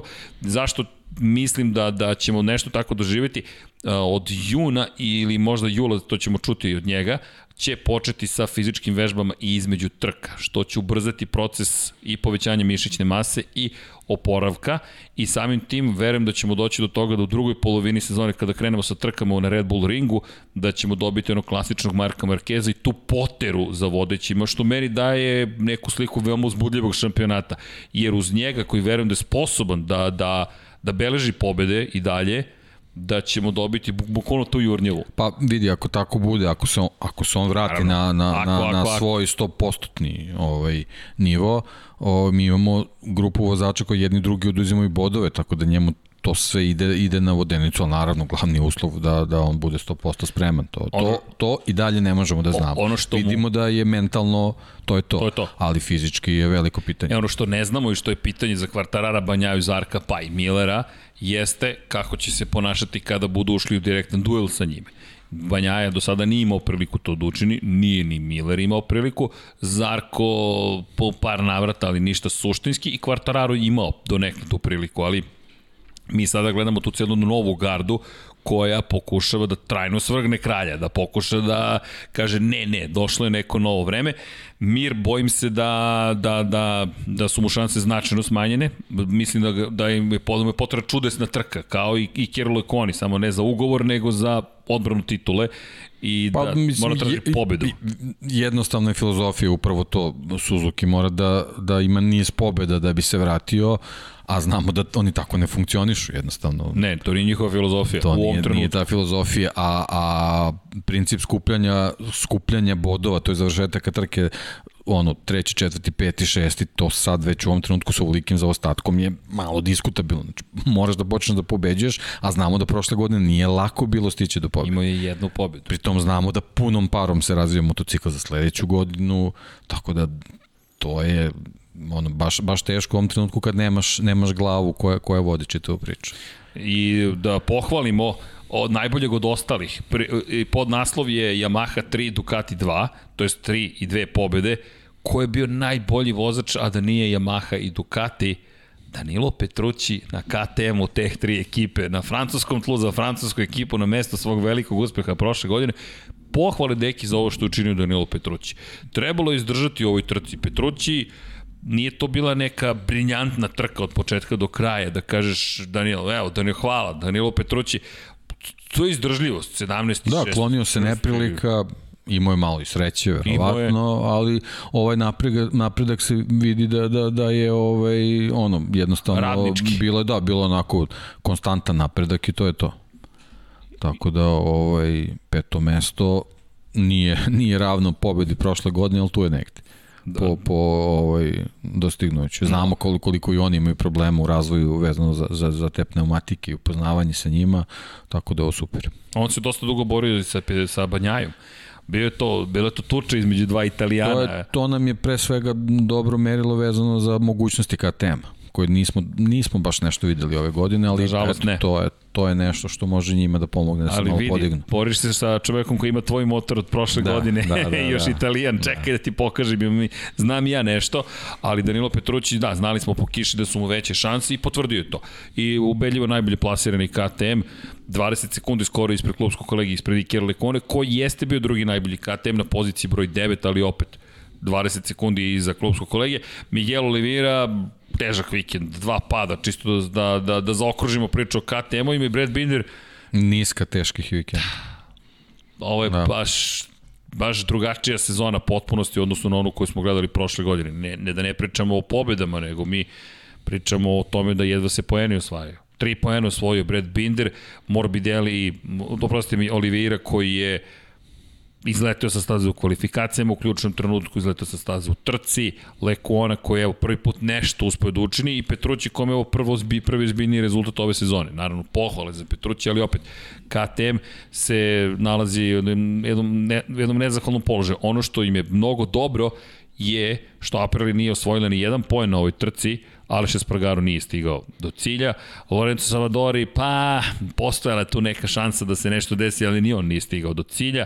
I na kraju 11 poena Pa dobro, da, Petrućevih. Salvadori, ok je imati jedan, dva dobra kruga, to treba vezati u trci, Teško. a s obzirom su bili ti vremenski uslovi promenljivi, kad se staza sušila, Baš teško. već se dolazilo na, na taj neki Moto Grand Prix nivo koji on videli smo, nema, a eto i sam je priznao, on, on je superbike vozač, to je, Jest, to je, on je i baš sam je, i sam je, ovaj, sam nam je to potvrdio, tako da, I KTM, zahvaljujući Izviri Petrućiju, da. 11 bodova, što je ogromna stvar kada Aprilia ne osvoji ni jedan jedini poen. Pritom trebamo da, da vezano za Apriliju da, da spomenemo da i Aleš ovaj, ima probleme sa rukom i da je na operaciji Operisanje. tako, da, tako da krenuli smo baš u tu seriju ovaj, Miller, Lekona, Da. što možda, možda i govori, govori dosta o tome sa kakvim motociklima se već susrećemo To ono što smo u pričali. poslednje dve sezone. Da. Da, da, ovo je- Sve više vozača Ali imaju sve problema. zajedno, gume, Da. kočnice, motori. To je ta da. kombinacija. Jednostavno, kada sva tri elementa popravite i još pride vozači koji su sve bolji i bolji, da krenemo od njih, ti dođeš u situaciju da je to za fizičko, fizičko telo postaje ograničavajući faktor. Više, evo, koliko vidim, sledeća generacija borbenih aviona biće potpuno bespilotne. Zašto? Pa zato što su ljudi ti koji ograničavaju sposobnosti kretanja tih letelica i ne mogu da izdrže više od 9 sila zemljene teže ubrzanja, bilo kakvog, što je logično dosta. 9 sila ubrzanja, pa makar neki to impuls, trenutak samo, gotovo izvesno je padanju nesvesti i govorimo o granicama fizički izdržljivosti ljudskog organizma. Tako da ne želimo trke naravno robota, ali samo da konstatujemo da postoje neki limiti koje polako ali sigurno dosežemo. Elem Aprilia nema mnogo opcija za, za, za neuspeh. Ima dva vozača, samo suštinski jednog i kada taj jedan nema dobar rezultat, neko od četiri KTM-ova gotovo sigurno će pomoći da, KTM-u da napravi. Da, to je baš nerav, neravnopravna borba, tako Prilično. da ovaj, zavisi šta su, šta su njihove ambicije, ali mislim da je sve usmereno ka tome. Mislim i dobro su krenuli ova sad trka, eto, izdešavalo se to kako se dešavalo, April ima taj, taj neki progres, mislim, ne, ne možemo sve da pričamo u, ne, u nekom negativnom smislu. Naravno. Ovaj, pitanje je trenutka kad će nešto da, da, da se desi ekstra pozitivno. E, izvini, otvara da. mi jednu novu priču, to je da se da je Ducati potvrdio da bi moglo sledeće, Davide Tardoci je to rekao, da bi naredne nedelje, to je oprostite, da bi naredne godine mogli da imamo, da bismo mogli da imamo osam Ducatija na startnom poredku. Ljudi, osam motocikala i otvoreno se priča o tome, inače ja, ja potpisujem da ćemo u Muđelu saznati jer Muđelo mora biti iskorišćen. Posle dve godine se ide u Muđelo, tamo se saopštavaju ugovori. Ducati sa Valentinom Rosijem, ako potpisuju ugovor, ili sa Faustom Gresinim, to mora biti u Italiji. Mizano je previše daleko, mislim da žele da to završe sada, potrebno je vreme i proizvesti te motore, naplatiti ih, prikupiti novac i Tardoci je rekao da eto, može da se desi da će već naredne ne, narednu godinu. To biti La Gazeto dello Sport je to pisao i u razgovoru za Gazeto dello Sport je rekao da pregovaraju sa Ver 46 ekipom i Gresinijem, tako da bismo mogli da imamo osam motora tog tipa, inače maksimalno pet fabričkih motocikala u toj celoj priči. Dakle, još jedan fabrički Ducati GP22 i imamo tri modela koji će biti realno, stara tri godine. Što je realno. To jeste realno. Da. Šest, da. šest fabričkih, ja mislim da bi bilo. Da. To je teško već. Teško je, teško je. Stvarno. Za proizvodnju da, je da. teško. Da, posebno sa, sa ovim napretkom tehnologije, to je baš za, za te fabrike ozbiljen, ozbiljen ovaj, zamah i sad opet se tu vraćamo na priču Yamahi i, i njihova tri motocikla. I njihova, tako tri, da. tri plus jedan. To su, to su za te, te neke stvari a, gde, gde šalješ neke imidžne poruke i, i, i oni moraju da, da odreaguju na, na, na tu priču vezano za Ducati. Da, i inače Tardoci je rekao da nema mnogo smisla za njih da imaju osam fabričkih motocikla. Rekao, to je, to je, to je potpuno nepotrebno. A prvo, prosto, prvo nevezano za, za, sam, za samu izradu ti trebaš da imaš inženjerske timove koji Tako trebaju je. da prate osam motocikla, to je to je pola grida, mislim, mi, mi sad već nemamo dovoljno talentovanih inženjera koji trebaju da prate ambicije ovih vozača, kamoli da, da, da sam Ducati postavi osam fabričkih motocikala, to je, to je jednostavno nemoguće. Pa da, to, tu bi ogromna razlika bila između prvog i osmog mm. motocikla, ali jednostavno. Izvesno. Tako da nema, nema zaista nikakvog razloga da bude tako. I, i ono što je rekao jeste da je, po njegovom mišljenju to je apsurdno. Rekao je da su te četiri pravi broj, rekao je iz različitih razloga smo dali jedan motocikl fabrički ove godine Jorgeu Martinu, ali Novajlija po njihovom mišljenju ne treba da sedi na takvom motociklu. To je njihov stav. Jednostavno da nema potrebe da vam fabrički motocikl daje mogućnost da nađete onu jednu desetinku. A to je vrlo teško s Novajlijom. Jorge Martin pokazao da zaslužuje taj fabrički motocikl. Ali i pokazao zašto, zašto je to razmišljanje ispravno. Ispravno, tako je. Jedna trka pol pozicija, druga trka u šljunku. I iz te perspektive e, rekao je, inače o, o, spomenuo, rekao je zapravo kada govorimo o tome da oni imaju sposobnost da, da, da organizuju upravljanje osam motocikla, podsjetio da su sarađivali sa Jorge Martinezom s parom pre tri godine i da su imali osam motora, da to nije problem. To je sve posledica, to jest koliko je pametno pre 10 godina postupio Ducati kada su uvedeni CRT motocikli i otvorena kategorija, što je izabrao da ne bude fabrički motor, već da bude otvorena klasa, otvorio svoj softver i dozvolio privatnim timovima da unapređuju softver. Prikupio sve te podatke i stekao prednost ogromnu u odnosu na pre svega japanske proizvođače u to vreme čak ni Suzuki se nije takmičio, Aprilija je tek razmišljala o tome da li da se vrati, da li da se ne vrati, pa i CRT otvorio put Aprili, Ducati je tada postavio te osnove, imao mnogo motocikala na stazi. I pogledaj sada kako ubiru plodove tog razmišljanja još iz tog perioda, i rekao je što se tiče VR46, rekao je da nije tačno da samo nedostaje potpis, potrebno je mnogo detalja razraditi, a u krajnjem slučaju postoje i drugi proizvođači čije ponude treba pogledati. Do sada, kaže, ništa nije potpisano, nastavljaju se pregovori sa VR46 i Gresini.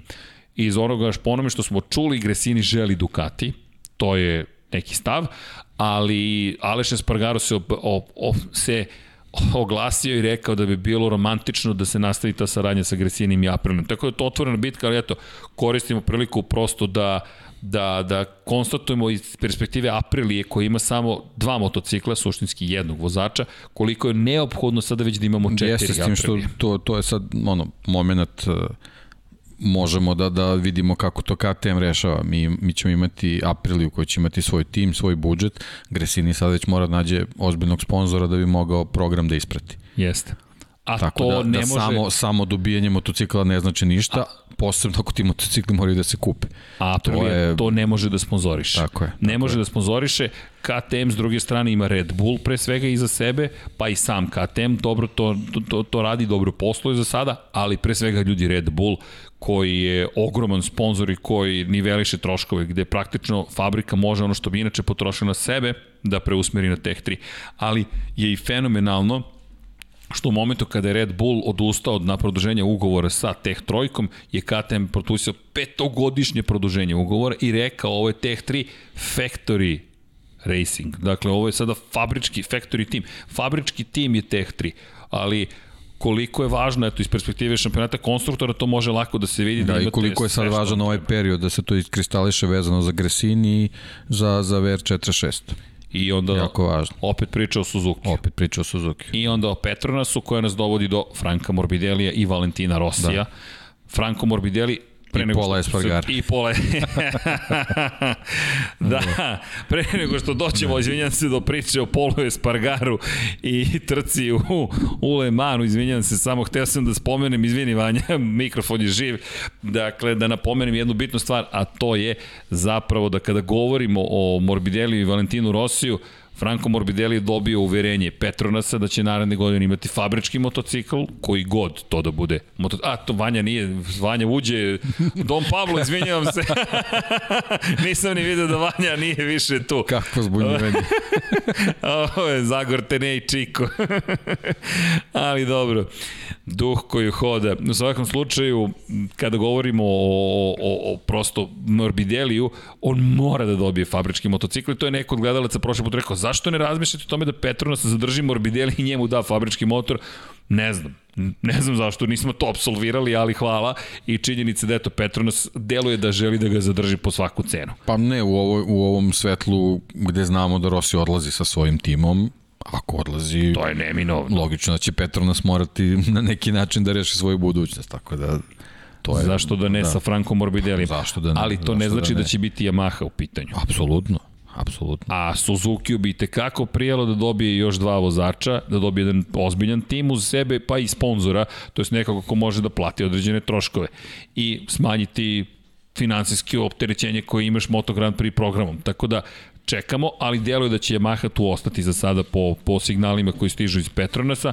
Mislim da to za Petronas kratkoročno bolje, s obzirom na činjenicu da već poznaješ Yamahu, mi tvoji inženjeri i mehaničari to znaju i manje bi morao vremena da potrošiš na učenje sada novi motocikl i ne samo novi motocikl, novi način komunikacije, novi menadžment s druge strane, tako da deluje da će imati fabričku M jedinicu naredne godine Franco Morbidelli. Da, ovo je za Petronas jedan lep period učenja. Jeste. Generalno. Pa i nije loše ni što imaju Rosije sa sobom. Ma nije, ne, Naprotiv. apsolutno nije, apsolutno nije. Jer nije, znaš, kad sve super funkcioniše, ti u stvari ne možeš da vidiš šta trebaš da popraviš. Ovako, kad ne, ne ide baš sve najbolje... Ne vidiš gde je šuplje. Tu, tako je, tu baš treba, treba dosta iskustva i znanja.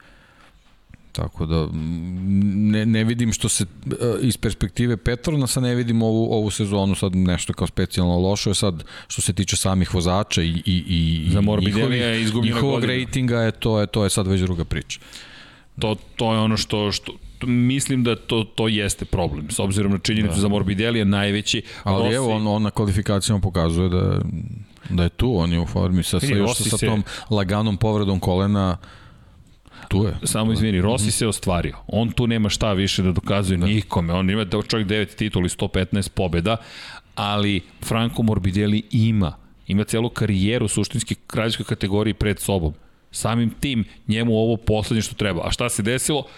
Pa šta se desilo? Pole Spargaro napravio malu grešku, izgubio ubrzanje na izlasku iz desete krivine, napali ga Rossi sa spoljne strane, Morbidelli sa, u stvari spoljne u tom momentu, izlazi iz, iz desne krivine u desno i napada, čekaj, ko je bio levo? Levo je bio, Morbidelli je bio sa spoljne strane sledeće krivine, 11. a Rossi je napao sa unutrašnje strane, međutim Pole Spargaro koji nije htio da pusti poziciju i na kraju napravio Opšto ne, ipak je Rossi bio sa spoljne, jer Rossi je zakačio, Morbidelli je presekao put, pa je Morbidelli napravio, nastavio pravo. U svakom slučaju, Petronasovci izgubiše pozicije u duelu sa Polom Espargarom i jedan i drugi, Morbidelli koji je čak i pao i ostao da leže na momentu u šljunku, pa podigao motocikl, pa nastavio tek onda.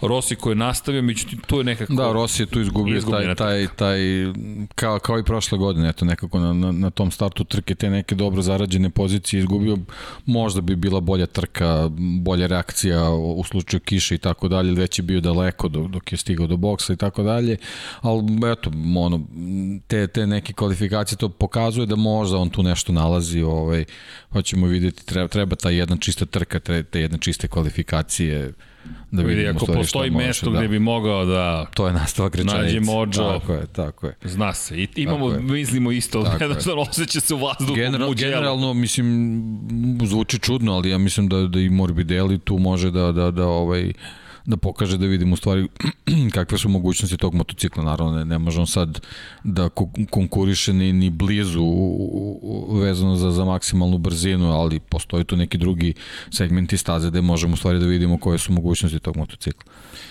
Brzi delovi, apsolutno ništa. Tako da vidit ćemo. Ali Mugello nekako da. Ima neku magiju. Ovde samo, eto, nisu imao, nimao sreće sa, sa tim, sa tim šeprtlja gestom na, na, ovaj, na, na, na treninzima, ovaj, kasnije eto, ta, ta, ta ne, neka nesuglasica sa, sa, sa Espargarom Morbidelli je tu objasnio da jednostavno vozač kad izgubi motocikl kao što je Espargaro radio jednostavno ne očekuješ da, da može tako brzo da se vrati. On njega apsolutno nije računao na ulazku tu krivinu gde, gde se našao s Rosima. Ovaj se pojavio kao da, da pre stotinak metra ništa nije bilo i jednostavno tu, tu je malo pa greško, mislim da, greško. Jednostavno nije uopšte račun, nije obratio pažnju na njega kao, kao da, da je očekivao da će on zaostati zbog te greške koje napravi, međutim nije i malo je tu ovaj, ne mogu kažem komunikacija, ali jednostavno nisu se baš našli dobro na toj poziciji. Eto, nažalost, oba Petronasa su se našli u priči i tako da ne znamo u stvari da li postoji neki napredak kod njih. Da, i za Rosija deluje da bi trka 42 sekunde završio iza pobednika. Tu je dosta vremena izgubljeno. Možda bi bio među vodećih 7-8. To kažem, da, to... što bi za njegovom trenutku bio boost ozbiljan. Jeste. Ali šta da se radi, mislim, jednostavno to, to su trke i onda kad, kad, se slažu, kad, kad se slažu, tako. da, da, to je to je jednostavno tako. Da, inače, samo da napomenemo, kada je reč o, o, o šepratljem momentu, jednostavno Franco Morbidelli koji je pao bukvalno s motora prilikom treninga zamene motocikala u garažama nismo zaista videli nikada tu vrstu pada ali povreda ko levo kolena levo koleno koje je popustilo nategao ligament. Da, i, to što nije, nije naivno mislim ako se ne. slučajno ponovi ja sam se uplašio kad je pao kad se držao za nogu da, da su pokidani. To je već već bi bilo onako nezgodno ali sreća nije nego verovatno se neki bol samo javio dosta je hladno i onda O, jednostavno, I to je neprijatno. Ligamenti su ti koji osjećaju prilično hladnoću, tako da da, neprijatan bol. Da. I kada, kada pričamo o tome, Morbidelli je još jedna trka bez poena, ali naredna godina, eto, delo je da će biti najzad godinu koju ćemo ga vidjeti na fabričkom motociklu. Epo se rekao, kvalifikacijama se jasno vidi koliko taj čovjek može. Četvrta startna pozicija.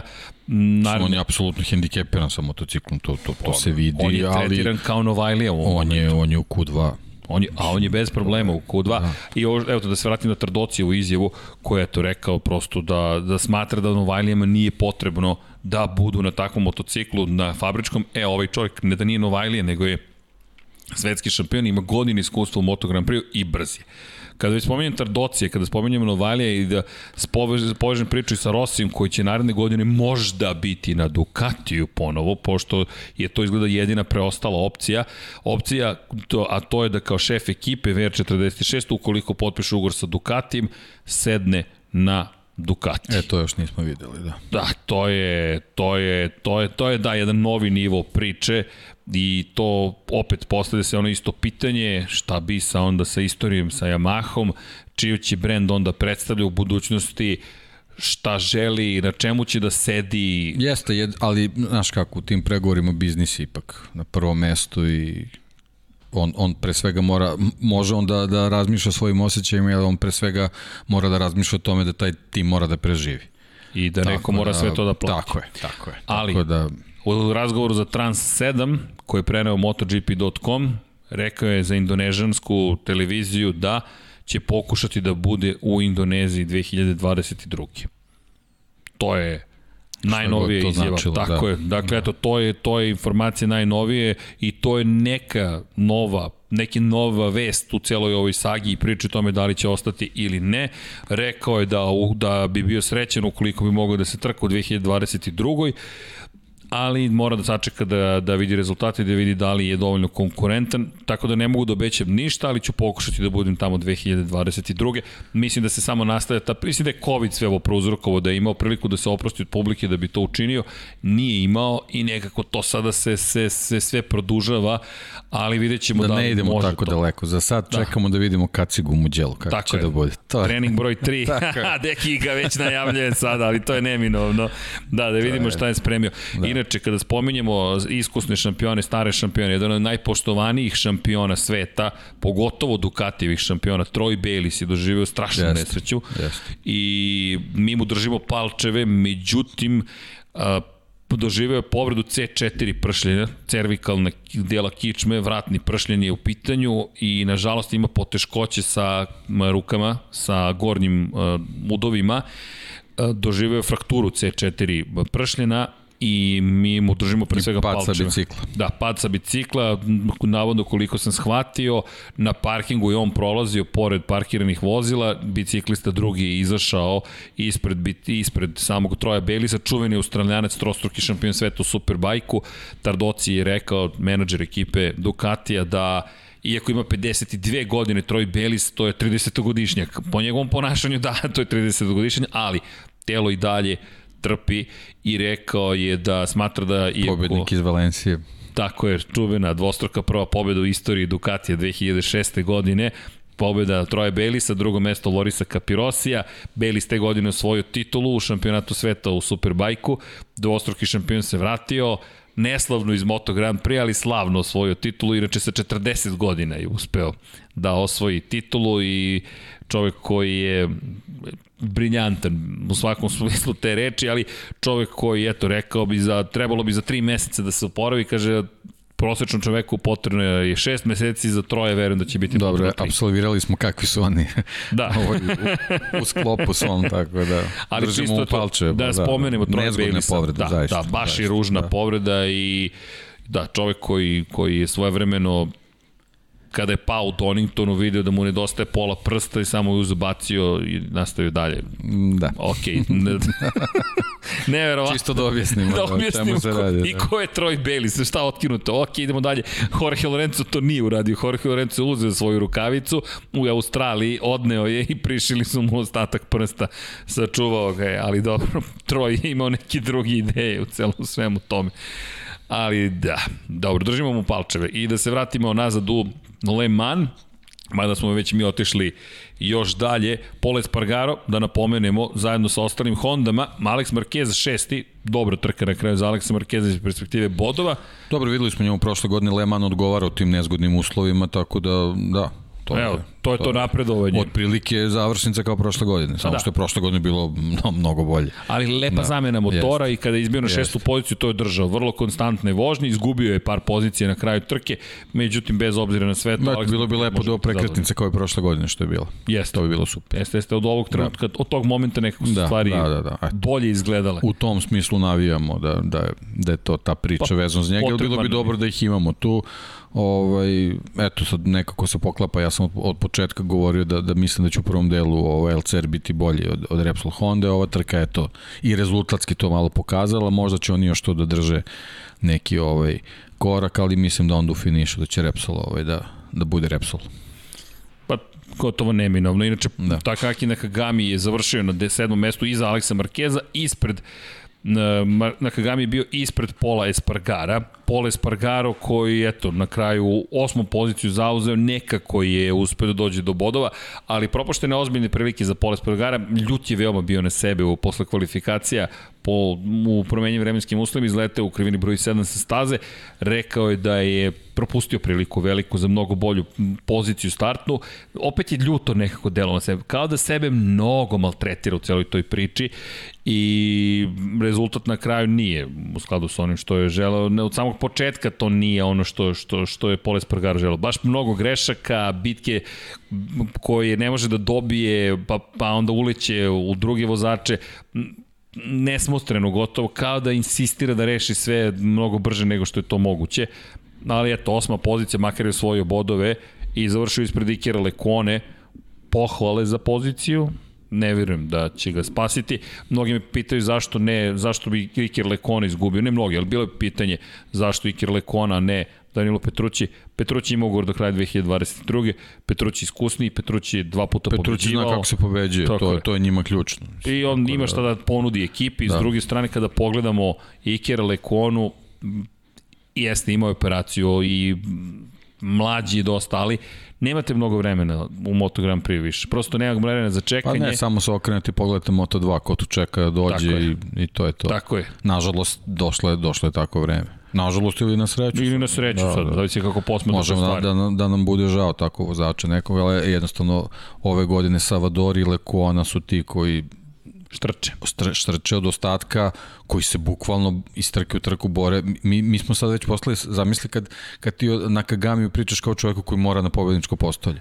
Mora. Da. On mora. A Lekuonu Pazi njega, ne, polako li sigurno stiže Aje u da, gura. Idemo polako je. na Moto tako dvojke, ali samo bih napomenuo, Tito Rabat je bio 15. svoj jedan poen, ali minuti 9 sekundi iza pobednika ima fabrički Ducati sada Dakle, sada nema više izgovora, ok, nije bio neko vreme to, ali bez obzira, sad ti je prilika da pokažeš da je trebalo da ostaneš duže u Moto Grand Prix. pad za padom u Herezu.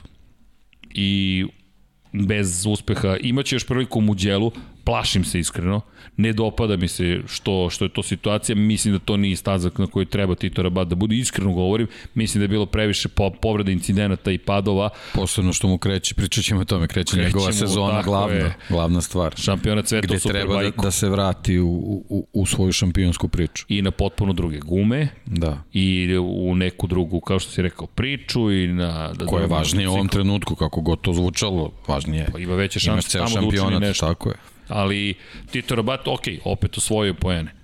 Ma, da, da pohvalimo makar to, ali mislim da je to baš teška utešna nagrada, ništa više od toga. Ali Moto dvojke su već u Moto Grand Prix i to jeste jedna od ključnih stvari koje mi imamo u ovom momentu. Moto 2 šampionat, pričamo vrlo otvoreno, ali s jasnim razlogom. Raul Fernandez je zabeležio još jednu pobedu u pet trka mi govorimo o tome da ovaj momak ima dve pobede, a Novajlija je. Mi možemo ovo da poredimo Poredim ga do nekle samo sa Maverickom Vinjalesom. Mislim da će biti uspešniji od Mavericka Vinjalesa. Maverick Vinjales, da, sjajan vozač, četiri pobede u toj prvoj sezoni u, u Moto2 klasi, ali kada pogledamo šta čini Raul Fernandez i način na koji to čini, samo point zaostaje za Remijem Gardner koji odvezao jednu ekstra kvalitetnu trku, ovo je izuzetno kvalitetna trka Remija Gardnera, međutim Raul Fernandez, kada se vratimo u, u, u, u te godine u kojima smo gledali Maverika Vinjalesa, Maverick Vinjales koji je 2014. u, u Moto2 klasi bio čovek od koga smo očekivali Očekivali smo dosta, prosto dosta smo dobili, nismo nužno očekivali, makar ja moram priznati, nisam očekivao baš da će u prvoj sezoni u jednom momentu imati čak šansu da se bori za titulu, ali Maverick Vinales 274 poena te godine, Vinales koji je u drugoj trci sezone imao pobedu, pa imao pad, ali drugu pobedu je čekao na kraju godine u Aragonu. I onda je u poslednjih pet trka tri puta slavio, jednom bio drugi, jednom nije stigao do cilja. Raul Fernandez, inače Maverick se borio protiv Miki Kalije i Estevea Tita Rabata. U toj sezoni, ne pocenjujem, samo ističem s kim je on bio u tom duelu, Raul Fernandez posle pet trka, dve pobede, jedno treće mesto i dve pete pozicije tek i ovaj momak je tek pobedio. Evo ga, evo je trka njegova. Trka, vidjet ćete, vremena su relativno slična, ali nisu identična. Raul Fernandez u ključnim momentima opet bio dovoljno dobar i pojačavao tempo kada je to bilo potrebno. I to će se vidjeti kasnije kada se pogledaju krugovi Remije. Gardnera, ako pogledate pažnju, izvinjam se, ja moram da namestim moj vrat, ali pa da, neki su imali operacije, znaju kako to cervikalni deo kičme funkcioniše, ali činjenica je da, Vanja, možemo baciti pogled na Remija Gardnera. Dakle, kada pogledate Gardnerova vremena, Gardner tačno u tim momentima kada smanjuje razliku, Ralf Fernandez kaže, ok, ovde je potreban odgovor i uspeva da se zadrži, ali pohvale za Remija Gardnera nije odustao. Pa ne, mogo je, mogo je da prihvati igru i možda recimo da ostane bez guma i on. Ovako, drugo mesto u ovom trenutku je za njega sasvim ok, Treći posebno. put. Pa da, Treći put na poziciji broj 2. Posebno, znaš, ako obraćaš pažnju na Sema Lovsa i onda vidiš kako je on katastrofalno ponovo odradio svoju trku, Nema zašto, potrebe. zašto bi ti ovaj, jurio prvo mesto posebno što se boriš timskim kolegom koji je u naletu. Ovo je inteligentna Nema razloga, vožnja. tako Ovo je je. baš inteligentna vožnja Remy Gardnera, a obojica voze za Red Bull KTM Ajo i to nas drži u Moto Grand Prix-u. KTM, imamo četiri KTM-a, dva fabrička predstavnika, im, sve su na fabričkim motorima, Oliveira siguran, ima ugovor do kraja sledeće godine, Brad Binder siguran do kraja sledeće godine, i onda dođemo do Petrućija koji ima ugovor do kraja sledeće, i onda Iker Lekona. I sad tu je viseća situacija gde Raul Fernandez ja, ja imam utisak da ti moraš da pošalješ Fernandeza u Moto Grand Prix. Pa da, ali sad tu on malo kvari, kvari je. računicu. Ovaj, iskreno, meni je, meni je ono, već smo pričali, meni je priča, sad odlazimo na Moto3. Ovaj, zbog čitave ove situacije, ne, mislim, meni je, meni je sledeće godine Dream Team Fernandeza Costa. Mislim, to mi je ono, stvarno Dream Team u, u, u toj varijanti. Gardnera vidim kao momka koji dobija ovaj, e, priliku u Moto Grand Prix, ali Fernandez s ovim vožnjama ozbiljno kvari sve, sve kalkulacije na tu temu. Apsolutno. Da, mi odmah možemo da pričamo o odmah možemo da pričamo o, o, o Pedro Acosti. Pedro Acosta nije zabeležio pobedu, pobedu je pripala Sergio Garcia, ali Pedro Acosta je povećao prednost u šampionatu sveta i ne vidim da ćeš zadržati Pedra Acosta. Dakle, ti moraš da ga gurneš u Moto dvojke, samim tim neko mora da ide iz Moto dvojke u Moto Grand Prix. Ako kažeš Znaš da... kako, Raul ne moraš da ga gurneš, ali, ali on je sa svim pokazao da, da, da, da su šta ono, ćeš da radiš centar pažnje je Moto3? ka njemu, da. On ako dođe do titule, apsolutno nema nikog razloga da on, ne znam, brani titulu ili to. Da to budem precizniji, ako ga oni ne pošalju ili ne, ne zadrže kod sebe i odvedu u Moto2, neko drugi hoće. Tako je. Neko drugi hoće. Neko će otvoriti svoja vrata i doći i reći, ok, evo izvoli. Fausto Gresini će imati ekipu u Moto Grand Prix-u, imaće moć pregovaranja ili će mu reći, "E, vidi, mi znamo kako se pobeđuje, mi znamo kako se osvajaju titule, dođi kod nas. Jorge Martinez Spar može isto tako da pokuci da kaže dođi. Ne znam, meni... Znaš ko ima tu još? E, Da li isto razmišljamo? Čekaj, baš me zanima. Jake Dixon i Xavi Vierge ekipa. Petronas dođe i kaže dobar dan. Evo ga ugovor. Zašto KTM mora da ga pošalje dalje? Da bi ga sačuvao kod sebe. Da. To je prosto, jer on sam momak je vrlo svestan sebe. Ja ne verujem da će on hteti što ti kažeš da brani titulu. Ako Ma ne, ne, to mislim... nema nikakvog smisla. U ovom To periodu... nisam trebao ni da izgovorim, jednostavno. to o, on- ali moramo da izgovorimo, da, deki. da, da. To, to je jednostavno da budemo jasni. Prosto momak mora da napreduje u Moto2 klasu. Ako on mora da napreduje i ti hoćeš da ga zadržiš u redovima KTM-a, Teh 3 nemaš više u Moto dvojkama, dakle nemaš gde da ga pošalješ, ti kažeš, ok, koga šaljemo u Moto Grand Prix iz naše ekipe. S Gardnerom navodno imaš ugovor za narednu sezonu, ok, kažemo Lekona, šta ćemo sa Raulom Fernandezom? Sklanjaš Oliveiru, sklanjaš Bindera, Pa ne znam, u ovoj, u ovoj nekoj trenutnoj konstelaciji mislim da Binder ovaj mora podhitno nešto da, da učini, da bi ostao tu. Da, to to zapravo možda i nije tako loše rešenje. Mada KTM je dosta verna kompanija, ali i tu postoje te cuta pa, Nagashima, to nije osetio baš. Nije to problem. Tako je. Lako se to reši. Da, vidiš, o tome nisam razmišljao, ali to je dobro razmišljanje. Zapravo, on je nekako nestao iz radara ove godine. Da, Brad Binder čak ga ni ja ne spominjem. Da. Da. Šokantno. A tipovo Znaš, za razliku od Oliveira koga špaliri motociklista dočekuju u, u Portimao. Znači čovjek koji ima iza sebe ne, neku, neku armiju koja je, koja je marketinški jako bitna. Tako da Binder mora, mora da menja situaciju u svoju korist ako, ako misli da, da bude u nekoj dobroj situaciji ili za pregovore ili da, da sačuva ugovor. Svi da. ugovori da. su tu da, da se prekrše. Mislim, to nije problem.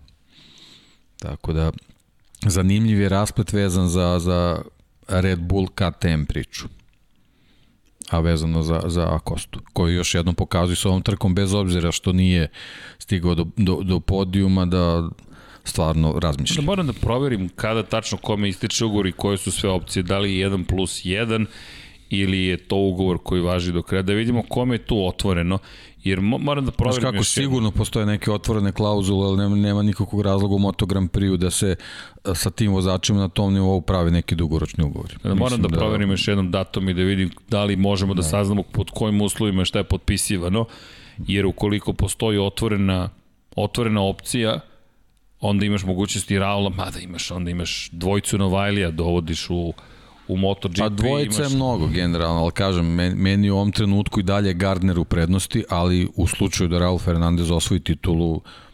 Pa ti, ako ne želiš da ga izgubiš, ti moraš da, da mu daš u da. sedište. Jer Ducati će imati možda osam motocikla, neko će ga prigrbiti. Da. A da ne govorimo, to je Aleksandar Đankić, naš dragi lepo rekao Đanki Baby koji tipuje na Repsol. Ne nužno za Absolut, 2022. Absolutno. Ali vidi, Alex Marquez nije mu zagarantovano mesto u Lučići Kinelo Racingu. A Repsol može da kaže, ej, mi želimo ovog momka. Mi želimo ovog momka Honda koji kaže, ok, ali ne možete tako... Ne, Repsol je jako, jako važan igrač. Mislim, pričali smo u podcastu Marku Markezu, sećaš se, Markez je bio u čitovi KTM priči tu. Repsol, samo odjednom, Red Bull. I samo odjednom Honda je uskočila da. u čitavu priču, zahvaljujući Repsolu. Repsol, tako je. Tako da Repsol tu se mnogo pita i pitanje gde bi mogao da se pojavi u celoj toj priči Raul Fernandez, ali te boje nekako možda mu se smeše, zašto da ne? Traže očenički nekog španca u Repsolu koji bi mogao da sedne na Hondu. Pole Spargaro ne deluje baš da je to rešenje. Mark Marquez deluje kao da je rešen da pokaže svima da i dalje rešenje za Hondu, a i deluje da jeste. Tako da to otvara priču o, o Raulu Fernandezu. Ali, ali opet, briljantna partija, pobeda. Prosto analizirati trku, više se sada bavimo time zapravo šta, šta to znači za njihovu budućnost i naravno fantastična bitka za titulu šampiona sveta. Pa ne, generalno sveta. kažem ti kad pričam o budućnosti meni u, u, u, u kontekstu Španaca Dream Team zvuči kao Fernandez za Costa. Da li u Moto dvojkama ili za koju godinu u Moto Grand Prix vezano za Repsol. Ja verujem da, da oni su sad već u nekim sastancima da gledaju pravni timovi sede, kakvi ugovori treba da se prave i, i vire u, u sefove da vide koliko je para. Mislim I koliko da... ćeš da rizikuješ sada, jer ti opet ulaziš u proračunati rizik, ti, ti kažeš sebi, ja se sada kladim na to da će ovi zaista biti toliko da, da. uspešni. Inače, da samo pa, vidi, pomenemo... i na Markeza su se kladili u trenutku kad, kad, kad ste vas dvojica pravili intervju s njim. Mislim, nije to ništa ovaj... Jesu, jednostavno, jesu. Takva je priča. Inače, da napomenemo da su obavljeni testovi. I Moto2 i Moto3 vozači su bili na testovima. Nešto što bi moglo da im pomogne. Kada govorimo o Moto trojkama, Pedro Acosta je bio najbrži u testu Moto 3 kategorije, imali smo priliku da vidimo Nikola Antonelija, tu je bio Andreja Minjoz na Snajpersu, Filip Salač takođe, Denis Fođe za Leopard, dakle testovi nastavljaju se testovi i to je privatni test bio na, na stazi Katalon, Katalunja. Inače, mogli smo da vidimo Moto2 vozača Joe Roberts sa Ital Trans Racingom, o kome ćemo pričati, čisto da napomenemo da ne da se nije bilo šta zaustilo, nego da tek se zahuktavaju stvari u Moto2 kategoriji. Ne zaboravimo da je Marko Beceki takođe bio tu, koji još uvijek juri prvu pobedu ove sezone, ali je bio ponovo na pobedničkom postolju opet Pertamina Mandalika je bila tu, Stop and Go Racing, Bob and Snyder, Remy Gardner takođe, ovo će biti uzbudljiv nastavak šampionata. Iz perspektive ove trke, dvostruka pobeda za ekipu Aja, dvostruko vođstvo u šampionatu sveta i uzbudljiva bitka dva potpuno različita vozača. Remy Gardner koji se pretvorio u hronometar, koji je mega precizan, koji me podsjeća na Andreju Dovicioza, moram te priznati. Manje pobeda, ali sam stalno tu, stalno sam tu i Raul Fernandez koji mi tu više liči na klasičnu tu špansku školu, Jorge Lorenzo donekle, drugačiji od Jorge Lorenza, ali koji je vrlo svestan, deki, on je pratio da. Moto3 trku, podržavao svog brata Adriana Fernandeza i onda otišao i zabeležio triumf. Drugi triumf u, u tri trke, ne samo u pet trke. Ne, činjenica je da je sve moćno delovalo. Njegova yes. razlika odnosno na Garnera nije velika, ali nije postojao trenutak gde smo pomislili da, će Gardner da ga napada. Da li ti delovo ukruženo? Pa to ti kažem. Naš, razlika je minimalna, ali... Mm, ali dominacija se osjeća. Kao da je sve vreme kontrola bila prisutna, apsolutno. I smanjuje za 5 pojena, samo poene nedostaje. I Marko Beceki koji se vratio u igru, momak, sada 17 da, da. pojena samo iza Remije Gardnera, ali ono što je bitno, bio je drugi, sada je bio treći, uz dobar test, u odlazak uz Muđelo, hvala, Dakle, pogled na, na vremena Marka Beceke, tu tog 19. kruga, od tog momenta počeo malo da usporava, ali treće mesto je bilo neophodno za samopouzdanje i za poene. Pogotovo što gospodin Sam Lowe's, posle dve pobede, jednog pada, jednog trećeg mesta, ponovo ne završava trku. Ma, generalna katastrofa za Mark VDS, mislim, tim ko, koga smo ono jednostavno apostrofirali kao šampionski tim za, za ovu godinu i Augusto Fernandez i Sam Lowe's baš su ovaj, Fernandez koji je u jednom trenutku iskočio, odlično je startovao da, i, i eto. Da, Nije završio trku. Dešava ponovno. se pad. Drugi put za red. Da.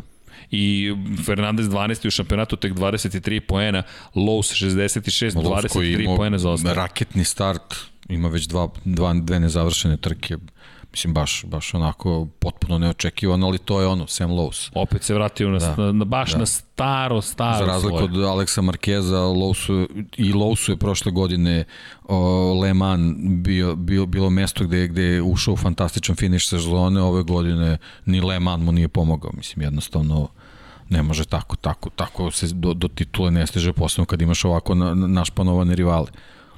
Pa isto važi za Fabio Dinđan Antonio. uključujući Beceke, da. Dinđan Antonio, jedna trka super, onda sledeća prosečna kiks do kiksa, bez veze. Mislim, Greške, baš, baš bez duple veze. kazne, da, da, dosta da. problema, ali Diđe 29 poena zaostaje za Gardnerom. Negde postoji, čini mi se, nada za Diđe, opet Italija mu možda pomogne. Sam Lowe's nisam siguran. I onda dolazi ogroman jaz. 58 poena zaostaje Joe Roberts na šestoj poziciji za Remy Gardnerom. Roberts koji nije završio trku.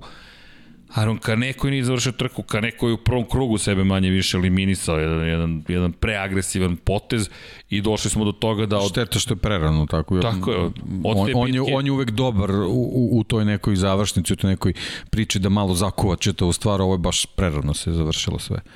Šteta. I šteta za Bosko Skuro generalno, koji u novoj stazi nije baš nešto mogo da, da parira, ali on, on mi je delovao da, da može da, da, nešto da, da svojim talentom nešto uradi, ali baš je prerano ovaj, završio trku. Da, ali šteta, prosto se dosta promenio. No, Gardner Ali dobro, generalno to su ta imena koje Zabavno. smo koje smo do, da, da, mislim, okej. Okay. Znaš, jedan poen samo razlike da, posle peta. Nadam se da će Blows tu da, da se vrati ponovo, da, da, da uhvati taj, taj neki ritam. Ovo je čisto da, da bude malo zanimljiviji i volao bih, eto, Beceki da, da, da napravi taj, konačno taj neki važan korak ove godine. Je, je, da, ako da. već pričamo o MotoGP-u, da. pazi, mi kao da smo zaboravili da Beceki takođe traži svoje mesto pa u kraljskoj klasi. Diđa koji kažu da Ovako, da ima već. Pa da, ali, znaš, na ovakav način pojavljuju se novi. Da, ko se sada seća Marka Becekija iz te perspektive. Bi super, super, super. Ono što ga spašava jeste da nema nekih mnogo italijana koji mogu da ugroze tu poziciju. Toni Arbolino je bio super, četvrta pozicija, ali tek prva sezona, Celestino Vijeti ipak prva sezona, ali nema mnogo uspeha.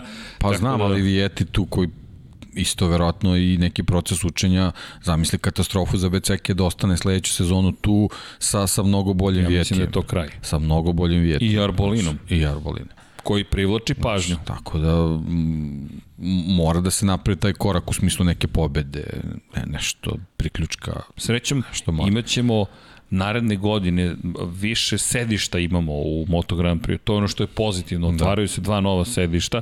Zapravo vidit ćemo VR46 ekipa je tu nastala, ali šta će biti sa Vintijom, to je sada isto da, pitanje. Da, veliko pitanje, da. Ako Vintija ostane, onda imamo četiri nova sedišta u Moto Grand. Da, jedino što znamo, Vintija se hrani sponzorskim paketima vozača, tako da ko će se tu naći, ne mora znači da će biti neko ko baš zaslužuje to mesto i tako dalje. I onda u celu ovu kompleksnu da. smešu da ubacimo je Neu Bastianinija, koji inače da. osvojio poene. Da. Iako je bio na poslednju kvalifikacijama, završio trku gospodin. 14. pozicija za Beštiju. Molim lepo, dva poena za Novajliju. On je u takvoj situaciji da, da mora, mora on svoje on završava. mora da skuplja, da. On, on svoj... Sve mrvice koje mu se prikažu, on mora da iskuplja. Da, on završava posao da. i tu zaista zaslužuje pohvale.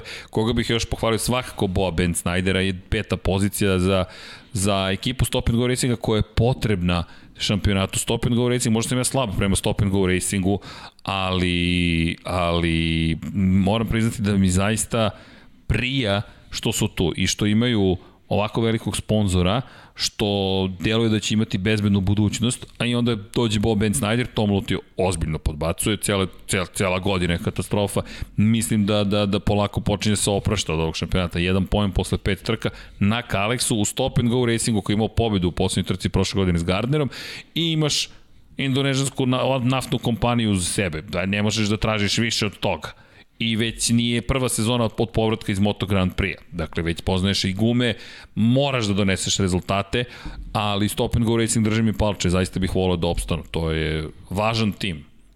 A i, kažem, sentimentalan sam prema Stop and Go Racingu, Pa jesam, Luis Salom je vozio za, za Stop and Go Racing nekako, to meni uvek ostaje u sećanju i to je ekipa koja je davala šanse mladim talentovanim vozačima. Nažalost, Saloma smo izgubili pre pet godina u Barceloni, ali činjenice da, da, da, to, da su to ti timovi koji gaje te neke nove ljudi. Tetsuta Nagashima je čovek koji je takođe dobio priliku ozbiljniju stop and go racingu i s druge strane kada pričamo o kada pričamo o, o Remiju Gardneru, opet stop and go racing. Dobijem neki signal ovde, nešto, sve u redu, ali previše pričamo, ne, ne, sve je okej. Okay. Aha, Vanja pozdravlja podsjetnik na, na, na Luisa Saloma. Hvala Vanja, nisam shvatio poruku, ali dobro, fokus na Moto dvojke i Moto trojke eto trka koja, koja, koja je bila uzbudljiva na svoj način, ali Ralf Fernandez polako počinje da uspostavlja kontrolu nad stvarima ovde i djeluje kao veoma zreo čovek. Da, idemo sad na jednu onako prilično drugačiju stazu baš, baš jedva čekam da ih vidim tamo. Ja, ja imam osjećaj da će da. Gardner tu biti dobar. Mislim da je da njegov zreli takođe pristup može da mu pomogne u Muđelu. Muđelo je zahtevna staza. Kad, Jeste. kada Mark Marquez o njoj priča i kaže ljudi to je zahtevna staza, onda vam je jasno koliko je tu sati. Jednostavno, to radi se o jednoj od najzbiljnijih pista koje imamo u šampionatu sveta ne, nemojte poceniti I dolazi, dolazi onako za, za neke vozače u nezgodnom trenutku, pošto je već šesta trka sezone, tu se već Jeste. može ozbiljna razlika napraviti, ovaj, da, da, da bude baš prilično nezgodno da se uhvati priključak, prilično ovaj, u, tom, u toj ovaj, priči mislim na Mark VDS vozače, posebno na Sema Lowsa. A da, ali ni, ni Augusto Fernandez nije u boljoj poziciji. Volio bi da vidim Sema Lovsa ono u fazonu kao što je bilo prošle godine izvezen krug. I ma ne, ne, trebam, ne, Aragon. E, A kao ni ne treba Tako je, volio, volio bi da tako nešto vidim, ali plašim se da sad tolika sam uverenost mislim da nije u ovom trenutku. Druga stvar, to je jedna bitna napomena, Mark, Mark van der Straten, daće vam podršku i davaće vam podršku, ali u jednom momentu kada prođe ta podrška, to je kraj. Ne, čovjek se ovim bavi zadovoljstva, tako, tako da je. ako mu ti ne pružaš zadovoljstvo, nema ni on razloga da, da bude u toj priči s tobom. Da, on je baš u specifičnoj da. poziciji. Eto, bilo jedno pitanje u podcastu u Formuli 1, da li ekipa može da se pobuni i kaže nećemo tako da radimo, nego na neki drugi način. I onda priča o tim vezama sa sponsorima novcu. Mark van der Straten to može on bukvalno to može, to bukvalno njegov tim, on je čovjek milijarder i njemu nije skupo da se bavi Moto2 pa, kategorijom. To je Red Bull varijanta na nekom mikronivou. Ne, ne možem kažem mikro, nije baš nije mikro, mikro ali na manjem nivou. Da, on, on to radi zato što voli. Jeste, i, on I ti čovjek... moraš da mu pružiš zadovoljstvo u tome. On će ti pružiti sve šta ti treba, ali... Ako mu donosiš sreću... Ali frustraciju mu ne treba, apsolutno. Da se on nervira, da. zato što... Ma jak. Da. Tako da i oni, i Augusto Fernandez i Sam Lowe's imaju tu ozbiljan posao, s tim što je njemu bitno da ima jednog španskog vozača, Strelja Galicija, jedan, do, jedan od dobićih vodećih robnih marki, tako da cenimo da će neki španac svakako biti tu. Ajo Gura, da ne zaboravimo da. Ajo Guru, da. još jedno sedmo mesto za Novajliju, da nije Raul Fernandez ovoliko impresivan, pričali bismo pohvalno više možda i o Guri, ali ja mislim da Ogurin na Ogurin nastupi skreću pažnju na sebe i da ukoliko može da nastavi da napreduje, ne naredne godine, ali naredne godine ukoliko dođe do toga da se bori za pobednička postolja, da će to biti i za Takakija Nakagami već signal, hej, Pa, znaš kako, iskristalisao se kao sledeći Japanaca. Znamo Jeste. da uvek trebamo da ih imamo u šampionatu, jednostavno to je. Neminovno je. Njihovi proizvođači su, proizvođači su tu, tako da ovaj, ove, ove vožnje, Mislim, meni ovo na, na nivou prošlogodišnje Moto3, nisu to sad ti rezultati vezano baš konkretno za plasman, ali ovo je, ovo je za, za, za Novajliju super, zaista kada pričamo eto Novajlijama da, da, da se prebacimo i na Novajliju u broj 1 u sva tri šampiona, u sva četiri šampionata. Imamo i Moto E klasu, nemojmo zaboraviti Pedra Kostu osma pozicija međutim povećao je za 4 za 3 poena prednost u šampionatu sveta. Sergio Garcia zabeležio pobedu, približio se na 54 boda Pedro Acosti posle pet trka, jedno drugo mesto, tri pobede, osma pozicija, I sad, s jedne strane pad u formi, pad u formi. Čim pobeđuješ, ako ne pobediš, pad je u formi, ali za mene i dalje impresivna trka zašto? Nikola Antonelli izletao sa staze, nije podigao motocikl. Jaume Masija izletao sa staze, nije podigao motocikl. Gabriel Rodrigo izletao sa staze, nije podigao motocikl. I možemo tako dalje da nabramo. Denis Fođa koji nije osvojio poene, Jeremy Alcoba koji nije osvojio te, Kaito Toba koji nije osvojio poene, Carlos Tataj koji nije, Derin Binder koji je osvojio poene uprko spadu. Pedro Costa. I to vrednih 8 bodova. Evo ga taj pad sa šeste pozicije na 21. Na 21. mesto. Ej. Da. I to u trećem krugu i on je nastavio dečko da vozi, vozi, vozi, vozi i ta prednost koja, koja je do 14. kruga stečena te grupe vodeće je bila prevelika, ali opet on nije stao dečko. Impresivan je ponovo bio u testu, inače sad skruže internetom njegove vožnje sa 14 godina motora od 600 kubika na Supersportu šta radi čudesan je zaista Pedro Acosta i ovo je samo, po mom mišljenju, samo potvrda da tih šampionskih kvaliteta.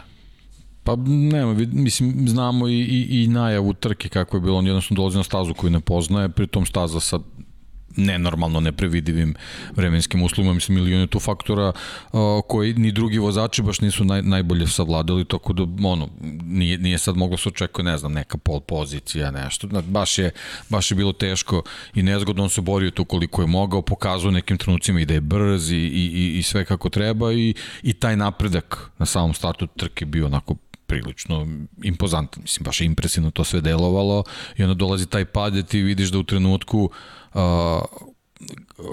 gubitka kontrola na motociklom shvataš da on potpuno svestan šta će se desiti, da se potpuno spremio da spase motor, da motor nastavi da radi, da, da, da ovaj, da se izvuči iz te situacije, da nastavi trku sa, sa minimalnim zaostatkom koliko, koliko je bio moguće u tom trenutku i to je ta još jedna odlika šampiona i povratak na stazu, dolazak do, do, do nekog mesta koji onako obezbeđuje jednu eto, neku solidnu količinu bodova, kao što si rekao, razlika je već bila suviše velika, ovaj, da bi tu nešto dalje ovaj, i, i, i napadao, onda videli smo i sa Pitvola su bile instrukcije da da malo smanji doživljaj, da, da, da sačuva poziciju, što je još jedno dodatno iskustvo za njega i tako dalje i tako dalje. Mislim, odlična škola, a i, i kao što si rekao, on, on je povećao prednost u šampionatu, tako da. E, evo, evo poređenja. Trka broj 4. Ljudi na pobjedničkom postolju. Acosta, Fenati, Alcoba.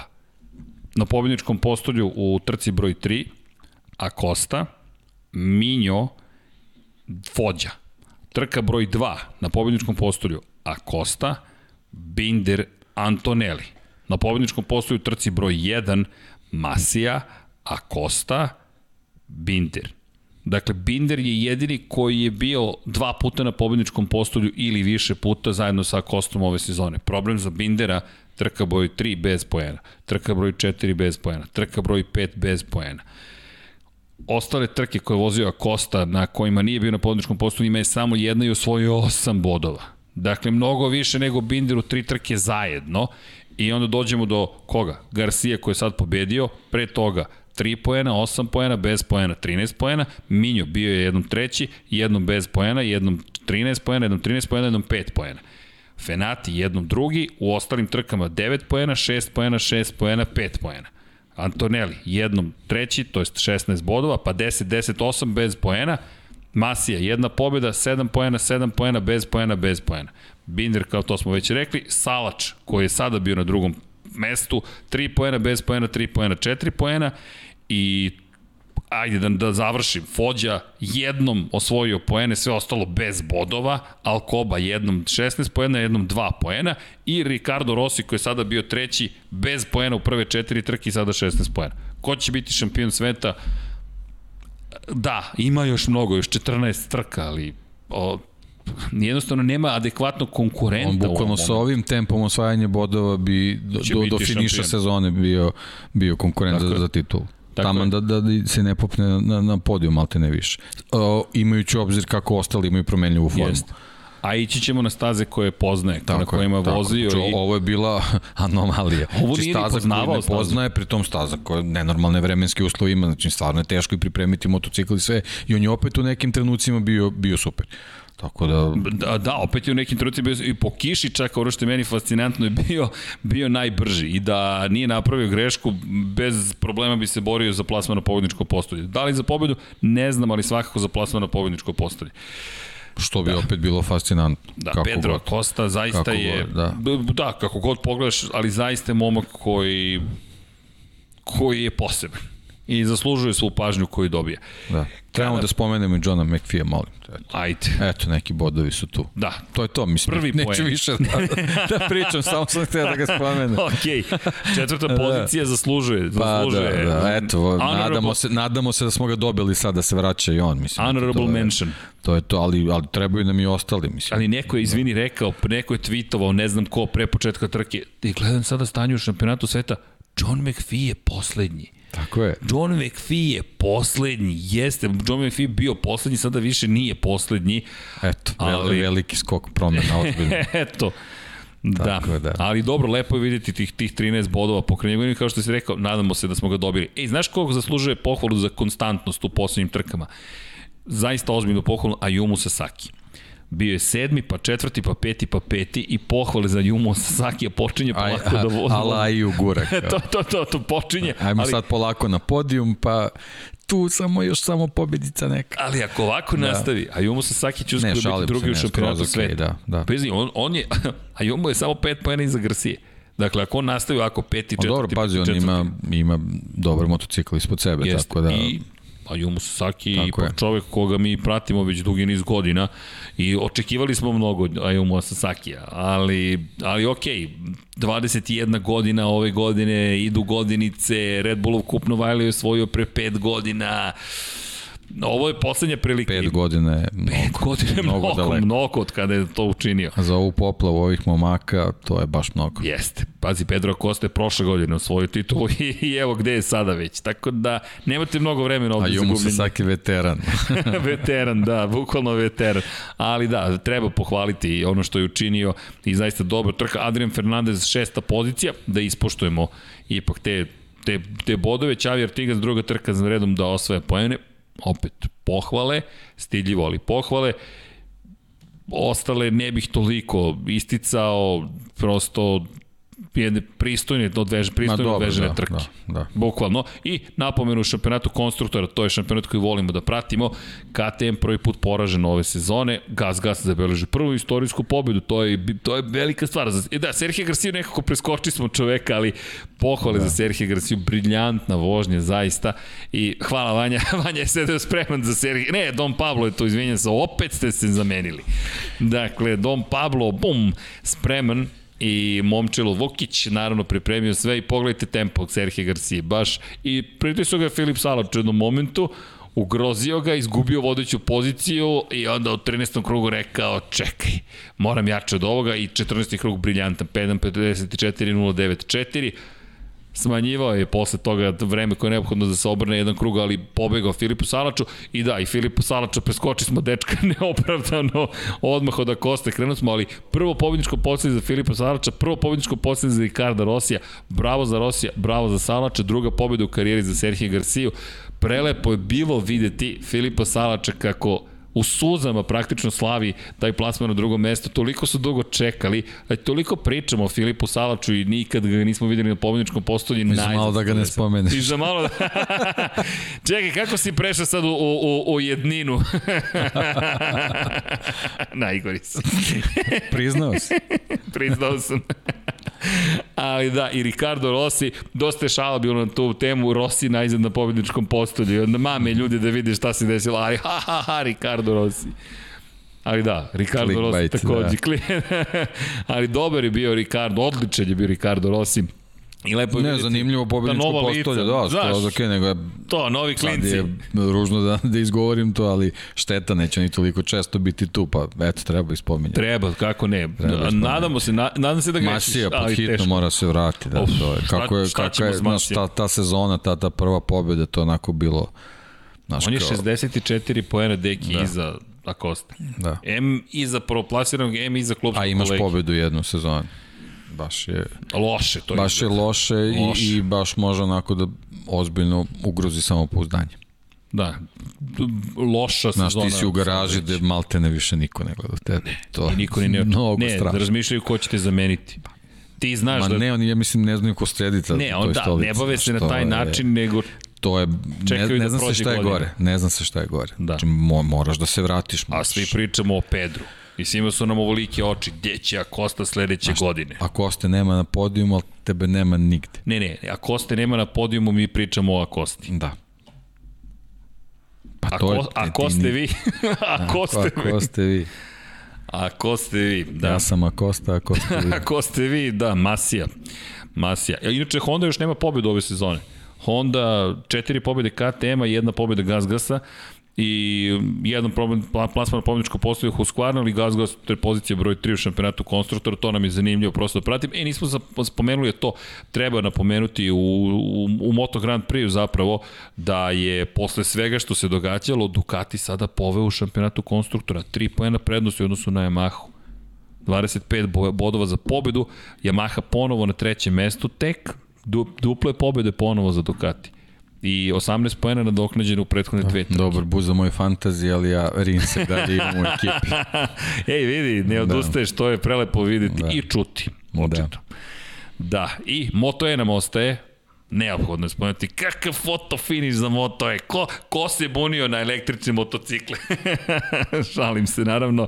Ali u jednoj sekundi pobednik Erik Granado, drugo plasirani Matija Kasadej, treće plasirani i vodeći u šampionatu sveta Alessandro. Kako se čita, zakone ili cakone? Zakone bi trebalo. Pa da, nisam sad ovaj ekspert za to, ja mislim Evo, da... pomoć ko zna da. italijanski bolje.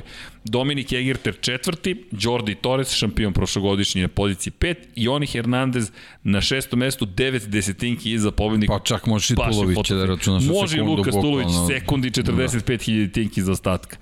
Luka da. Stulović. I, I kakva je trka bila. Baš je bila da pokušao sam da čutim, tražio si. Ne, ne, super. Stvarno treba da, da se čuje. Ovaj. Pogotovo ulazak u da. treću krivinu. Da, da, da. I start kako sam se suzdržao no, ali, super, super. Stvarno, stvarno onako, meni ne, neočekivani zvuk na neki drugi način. Treba gledati tu drugačiju perspektivu. Citirali smo te Junkija. Da. Twin Ion Engine. to, to, to, to. Da, da. Da, da, uticaj. I Mateo Ferrari, inače prvi šampion sveta 2019. na 1,7 sekundi za ostatka. Uzbudljiva trka, ozbiljne bitke, Erik Granado, agresivni. Erik Granado meni i dalje ovaj, Super ono, glav, glavni, glavni utisak godine. Znači, prošla trka dominacija i, i nažalost taj pad, mislim da bi sve bilo mnogo drugačije da on završio prošlu trku, ovaj, ali evo sad je pokazao stvarno da je, da je tamo kako bih rekao, ne, ne mogu da kažem da je za klasu bolji vozač, ali vidi se da ima Tamo gde ozbiljan da pedigre ima. E, on, on ima pedigre ozbiljnog Moto Grand Prix vozača, to je vozača iz svetskog šampionata to, to se stvarno vidi uh, kako, kako razmišlja i, i, i kako vozi, kak, kakvim tempom vozi svoje krugove. Pa, Tako da... Jesmo pričali da. prošli put, 2011. i 125 kubika šampion sveta, to je šampion Španije u to vreme, sada bi to bio šampion sveta za juniore, Alex Navarro Rins, gospodin Potkonja ga drži u, u, u fantaziju, Alex Pekar. Marquez na poziciji 2, Francesco Banjaje na poziciji 3 u tom šampionatu, Nicolo Antonelli na poziciji broj 4, Erik Granado pozicija broj 5. Jorge Navarro, pozicija broj 6. Romano Fenati, pozicija broj 7. Jedini koga ne znate danas iz šampionata, Josep Rodriguez, Juan Fran Guevara, John McPhee, deseto mesto te godine u šampionatu Španije, 11. pozicija Jack Miller, stanoviti Jack Miller, Massimo Parzijani i zatim Ana Carrasco, Andreja Minjo i tako dalje. Čak i Albert Arenas te godine da. vozi. Bio Ozbiljno 16. društvo, ali samo potvrde da jako je teško opstati u, u toj grupi, ovaj, da, da su ozbiljni sponzorski paketi potrebni i, i mnogo I malo toga i sreće, još, da, da i malo i sreće, ali da. dobro, mislim da ovo evo ne, neka ne, njegova nova karijera i mislim da stvarno pokazuje da je da je klasa i da je kvalitet. Ja, ali zaista ozbiljne pohvale za, za ono što je, što je učinio i jedna sjajna trka, baš sjajna trka, moram priznati da je bilo zadovoljstvo prenositi tu celu trku i, i jedva čekam da vidim šta će sledeće da se desi u Moto E šampionatu sveta. Na poziciji broj 1 za Kone, čekam da vidim chat, da li nam je neko dao pomoć prijatelja, kada je reč o izgovoru, ne, ne, U svakom slučaju, ja imamo pitanje da li sledeći podcast LL99, valjda JL99, molim vas, rade. Nije ni JR, ali dobro. Branislav, maš, Moto E, veš mašina centrifuga. Ma kakav, ma, ma, ma pre, ma, ma fantastičan je Moto E.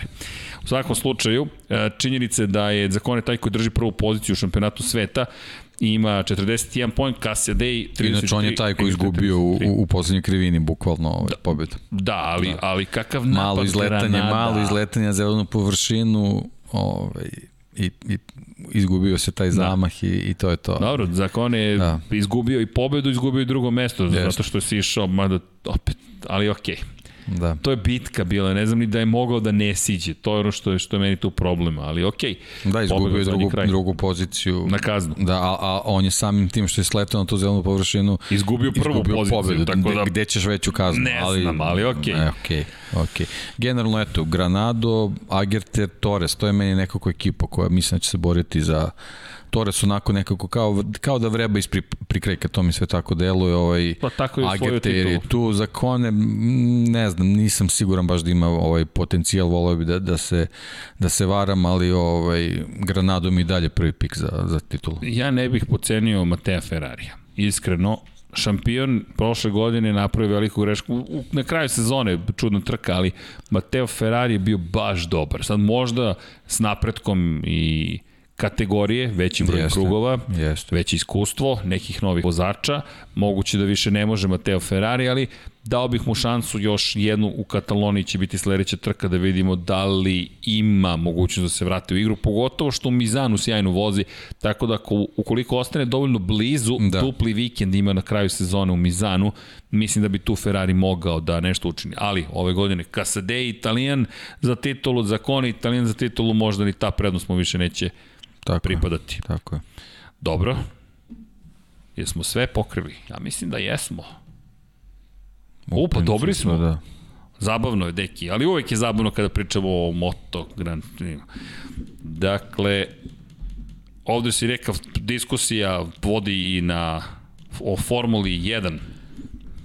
O čemu ovi pričaju? O Moto Grand Prix. U svakom slučaju, e, pozdrav za celu ekipu. E, udrite like. Ne, čekaj, nisam zamolio za like, a to je uvek dobro dođe, ali 165 lajkova. Hvala ljudi.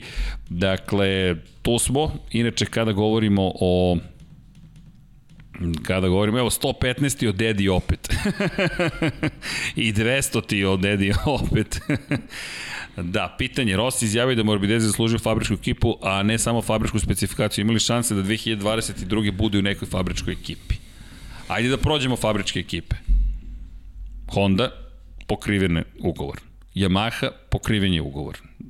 Neće se to promeniti. Suzuki, čini bi se da pa, još neće se da. odreći ni Rinsa, da. ni, ni svakako neće Mira. Aprilia, da li želi u Apriliju ili da li će biti mesta, Aleš Espargaro i vjerojatno Andrea Dovizioso. Ducati, to je već zatvorena priča i KTM, to je sad ovo što smo pričali. Tako da su to mogućnosti za Morbidelija. Iz perspektive toga da brzo dođeš do uspeha, mislim da mu Yamaha najbolje rešenje, a to ne može da dobije. Zato mislim da je logičniji, bolji potez da bude Petronas, ali se slažem sa Rosijom, mislim da zasluži da bude u fabričkom timu, svakako. Evo, Boško ima ideju, Frank ide u Apriliju sledeće godine, vozit će sa Dovijim. Pa teško će se odreći usluga Aleša Espargara. Aleš Espargaro je jedini pouzdan, bukvalno. Branislav Dević, da li ste ispratili praćenje MMA, MMA u Pajdvoku, to mi smo pričali Fabio Kvartarara, kako je prešao preko pune linije, to nije kazna, to nigde nije ni definisano.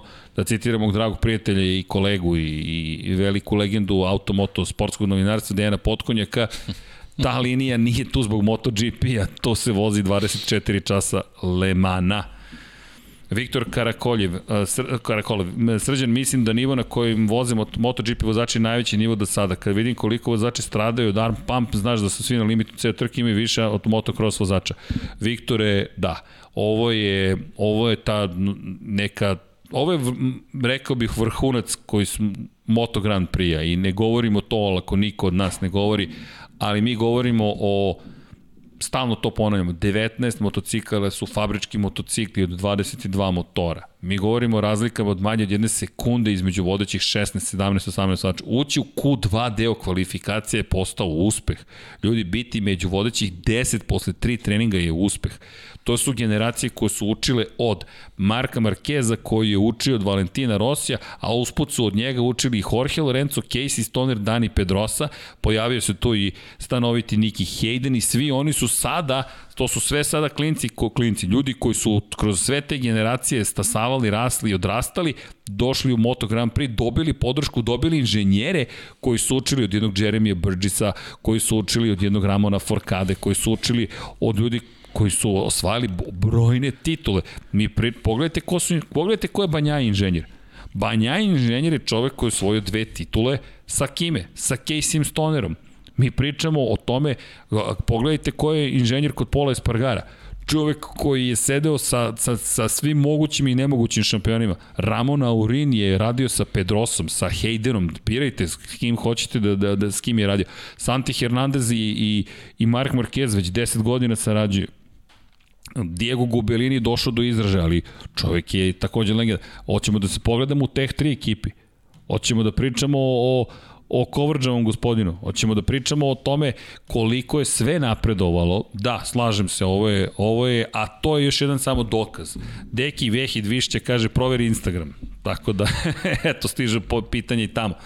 Da li se slaže? Višnja pita, Višnja M, da li je ovo Višnja koja vodi u Formuli 1? To je ono što mene zanima. Višnja Milenković. Višnja, da li vi vodite u Formuli 1 u fantaziju? Sad ću da spomenem i fantaziju Moto Grand Prix-u. Floyd nam je vodeći u zvaničnoj ligi Lab 76. Bravo za Floyda, 50, 589,5 poena, inače iz Srbije, iz Norveške, Pecotka Racing na poziciji 2, 584 boda i Sena RT iz Bosne i Hercegovine 580,5. To su vodeća tri takmičara pohvale ljudi. Ja sam uz jednu propuštenu trku na dalekoj poziciji 413. neki ne, ne predstavljam. Nemam pojma, ja sam 300 i neki, čini mi se. Ali dobro, vidi. Na, po... Ali ja ovaj, u moju odbranu imam Rins od početka. Tako ja, da. o, tužne priče. da, ja, verujem ja. u njega, da, da, da. Okej. Dobro, ja još nisam iskoristio Boost 300V. Tu vas ljudi stiže, mi ko imam trku manje. Ali, ej, ko ti je u ekipi? Evo, moja ekipa trenutno, Slušaj sad ovo, srebrni vozači, Joan Zarko, Francesco Banjaja. Zlatni vozači, Maverick Vinales, Joan Mir. I Ducati kao, kao ekipa. Da, mislim da će doći do promena u nastavku, u nastavku šampionata kada je reč o mojej ekipi, ali mire, mire, računao sam na to da ćeš biti pouzdan. No, da se vratimo i pitanjima. Da li ostaje Martin sledeće godine u Pramaku, pita Luka. Da, ugovor je potpisan na dve godine ali Marquez pad pa opet levenje konkurencije kao prošle godine u Herezu, na to mislim, Dalibor Blagojević. Ovo je vjerojatno nastavak nekog razgovora. E, kada je poslednji put bila flag to flag trka pre, na malo čuo sam par vozača koji su rekli da im je ovo prva takva trknja, trka višnja. Ja ne sećam se tačno koja je poslednja flag to flag. Da li je Brno 2019. godine? Čini mi se, ono čuvena trka kada su sušili stazu, Ali da, moguće da je to jedan od problema. Prošle godine kiša padala neprekidno u Le Manu, pre toga da li smo imali Japan. Moramo da proverimo.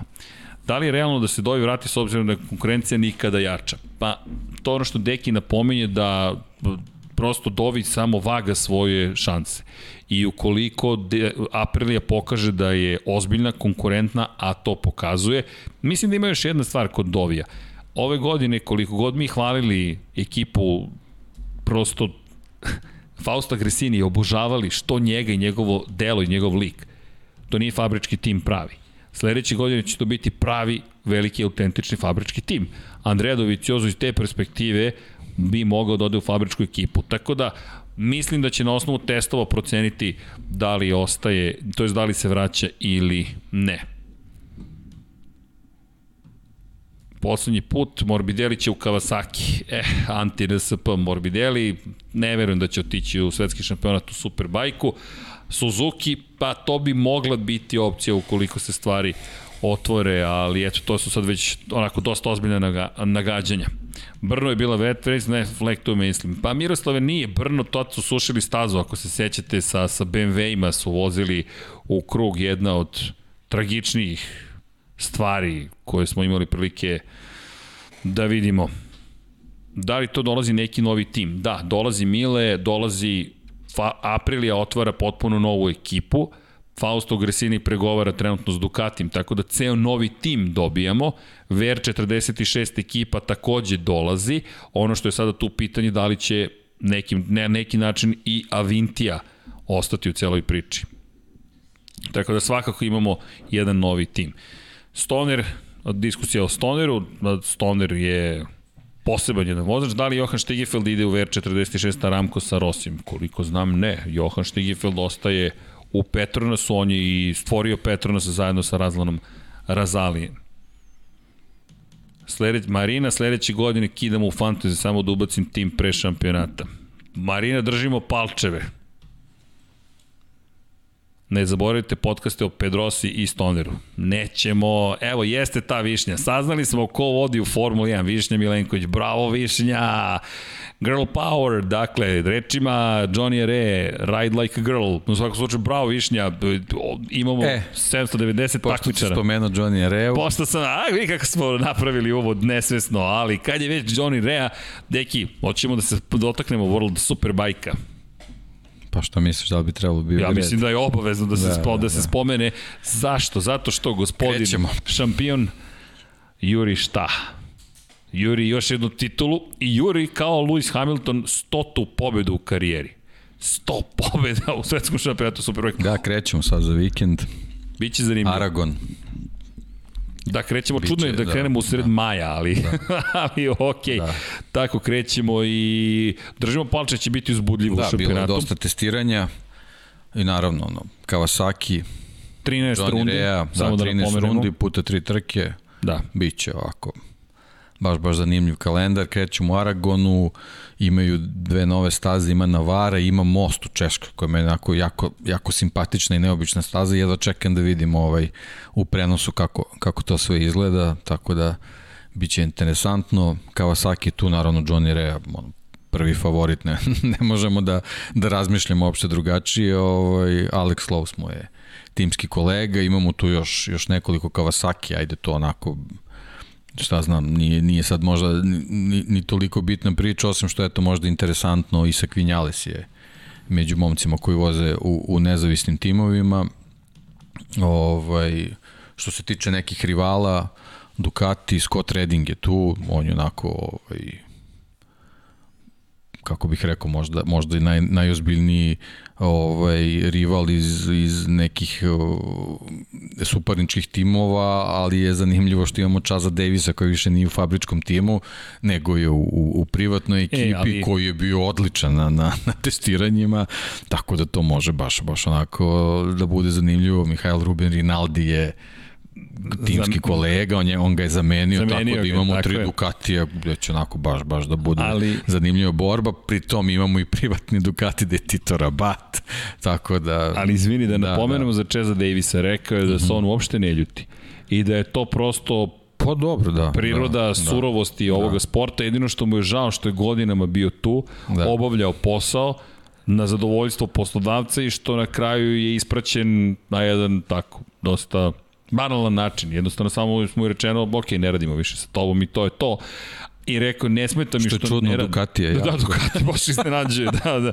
da, te ljudski da. resursi su im uvijek išli od ruke ali je suptilno da, tako. krajnje, krajnje suptilno da se zna šta je prioritet ali ono što je tu zanimljivo jeste da je koliko je Davis rekao nema ja ništa nikome da dokazujem i mlađi momak je dobio priliku meni to sasvim ok naravno da mi je žao ali mi je žao pre svega zbog načina na koji smo se oprostili ne što smo se oprostili jedni od drugih to je sasvim normalno, ali zanimljivi su rezultati testiranja. Ok, uh, prihvatam sve, ali čekaj, čekaj da vam pokažem šta još uvek mogu. To je ono ala pramak. Ala pramak. Da, da, da. Tako Ducati uvek ima taj problem sa svojim drugim timom, da ih tako nazovem, da. Ali Johnny da. Rea, to je ono što, što je velika priča, zapravo je čovek koji juri stotu pobedu, najuspešniji po broju pobeda u istoriji ovoga sporta, 99 ih ima, šest titula šampiona sveta, najbliži po broju pobede Karl Fogarty sa 59, istini za volju, povećanje broj trka po trkačkom vikendu pre par godina, po tri trke po vikendu, ranije ih je bilo po dve, ali opet to je neverovatan uspeh Johnny Re.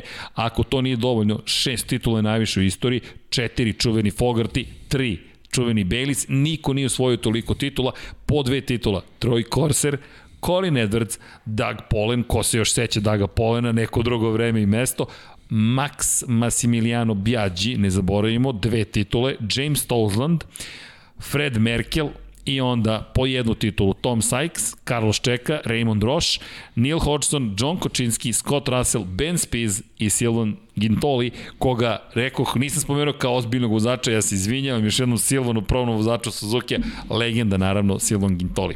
I čovek koji ima 43 pobede i nema titulu šampiona sveta, najuspešniji po tom pitanju u Superbike istoriji Noriyuki Haga. I onda dolazi broj 2 po broju pobeda bez titule Chase Davis. 32 pobede i nema titulu. Ozbiljan vozač Chase Davis, samo eto, prosto nije uspeo da sklopi nikada celokupnu sezonu i da dođe do titule. U poslednjih nekoliko godina često nadomak cilja, ali nikad na samom vrhu. Tako da Chase Davis, Chase, Chase da, da, da kažem, ovaj, Rea i Davis su onako, baš, baš onako ostavili utisak na, na testiranjima, tako da što se tiče Kawasaki Ducati je treba voditi račun o njima. Što se tiče Yamaha imamo dve dobre ekipe, ovaj, Pata Yamahu koja, koju smatramo naravno fabričkim, yes. fabričkim timom, tu je Turčin Top, Toprak Razgatioglu. Jesam dobro rekao, Vanja? Valjda jesam. Jesam, Razgatiolu, da. Je li tako? E, to, jes, dobio sam thumbs up. To, to, Ove, ovaj, Vanja koji žive da, da, vreme u Turskoj. Njemu je timski kolega Andrea Locatelli koji je šampion iz Supersporta, ok, vidjet ćemo I znamo ga iz Leopard Racinga. Tako, a sa druge strane GRT Yamaha ekipa koju predvodi Gareth Gerlof.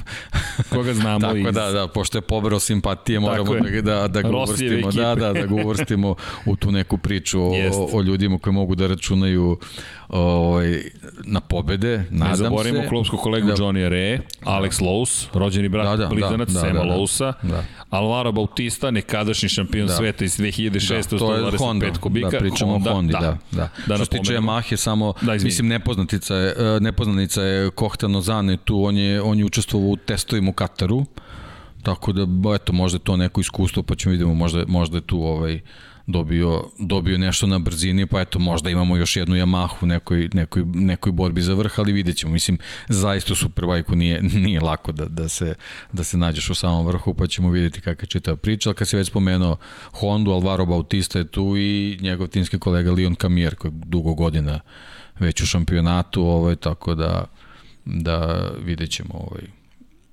da li, da li ćemo uspeti da, da, da uradimo ovaj, da, da dobijemo što se tiče Honda ne, nešto više. Mislim, Leon Kamier je sad uh, timski, uh, team manager, on vodi čitavu, čitavu ekipu, Alvaro Bautista je tu, ovaj, Leon Haslam je u stvari drugi vozač. vozač da, to sam, da, tako to... da, da, mislim, to je ono, jedna iskusna posada, Haslam je dugo godina ovaj, u, u šampionatu, vozio i za BMW, tako da ovaj, mnogo, mnogo tu iskustva ima i nadam se i brzine, a da će Kamier, eto, s nekim svojim iskustvom iz, iz više ekipa sad kao team menadžer uspeti da, da, da, da podigne ovaj, i Hondu na, na viši nivo. I mnogi nas često da. pitaju gde je Jonas Folger.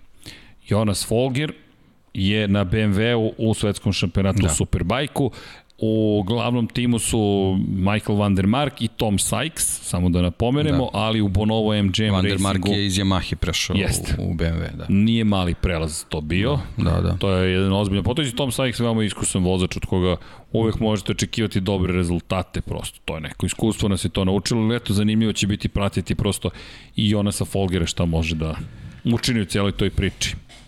Ima tu još vozača, ali Isak Vinjales, koga pamtimo, rođak Maverika Vinjalesa, da, za Kawasaki, privatnu da, ekipu da, na, da. na Kawasaki-u, Kristof Ponson koji je na All Star Yamahi, nije fabrički tim, ali opet tu je, imamo jednog Argentinca, Leonadra Mercada, pa ćemo da vidimo šta će da učini. Na, Eugene Leverty, večni Eugene Leverty, prisutan je RC Squadra Corsa i BMW M1000 RR.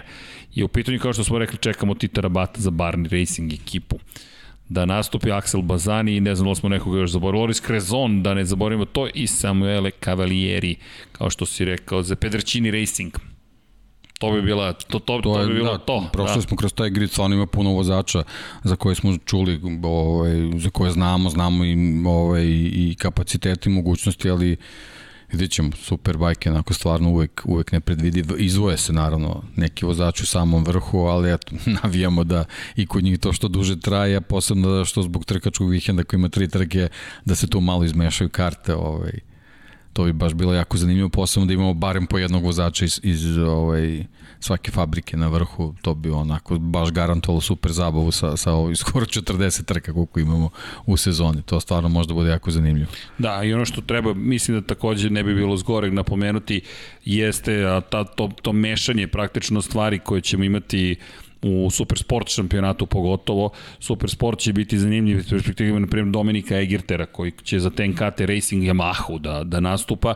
Inače, čovjek koji je bio najbrži u predsenzijskim u testiranjima još u martu na, u Supersportu, a veliki broj vozača koje poznam, Marija Herrera koja je takođe nastupa u Moto E klasi, Žil Kluzel od nekih starijih vozača koji znam, Randy Krumena, Her, ko pamti malo više, Rafaele de, de Rosa, dakle, to su već iskusne imena, Steven Odendal, sve su oni su Filipe Etel pekli za u svetskom prvenstvu, pa eto tu ćemo pratiti šta mogu da učine, ali interesantno. Inače, Dani Web, ako se sećate Daniela Weba i dalje, eto, Dani Web se vrati, na neki način je u igri ponovo i nešto što ćemo pratiti i naravno Supersport 300 iz perspektive toga što imamo Anu Karasku tamo, pa eto, da vidimo da li Ana posle one povrede i onih operacija nešto više može da učini. Ali dobro. Da ekipa, mi ubaci smo i ceo Superbike i Supersport. Pa dobro, kreće A, sezona. Kreće sezona, da- moramo. Da, da, Kako ne? Kad prođu trke, pa ćemo malo i njih da analiziramo, da ih čisto ne zaboravimo. Mislim da će biti zanimljivo. A ovo da. vezano za Za Instagram meni samo stigla ova jedna, mogu da kažem, neko opaska ili pozdrav. Kaže, da. čao deki, već tri meseca radim naučni rad u temi kako električna vozila nisu toliko čista koliko svi misle. Voleo bih je podeliti s vama nakon što završim i želim da gospoda Igor Marković i Pavle Žiković to potpišu. da, a ja, da, a ja, me, za mene ništa. da, veselim se Lapu 76 broj 99 jer sam valjda najveći fan Jorge Lorenza. Eto. Dobro. Eto, hvala za poruku. Morate da pogledate jedan od lepova 76 u kojem pričamo o tome koliko zapravo električna vozila nisu ekološki čista.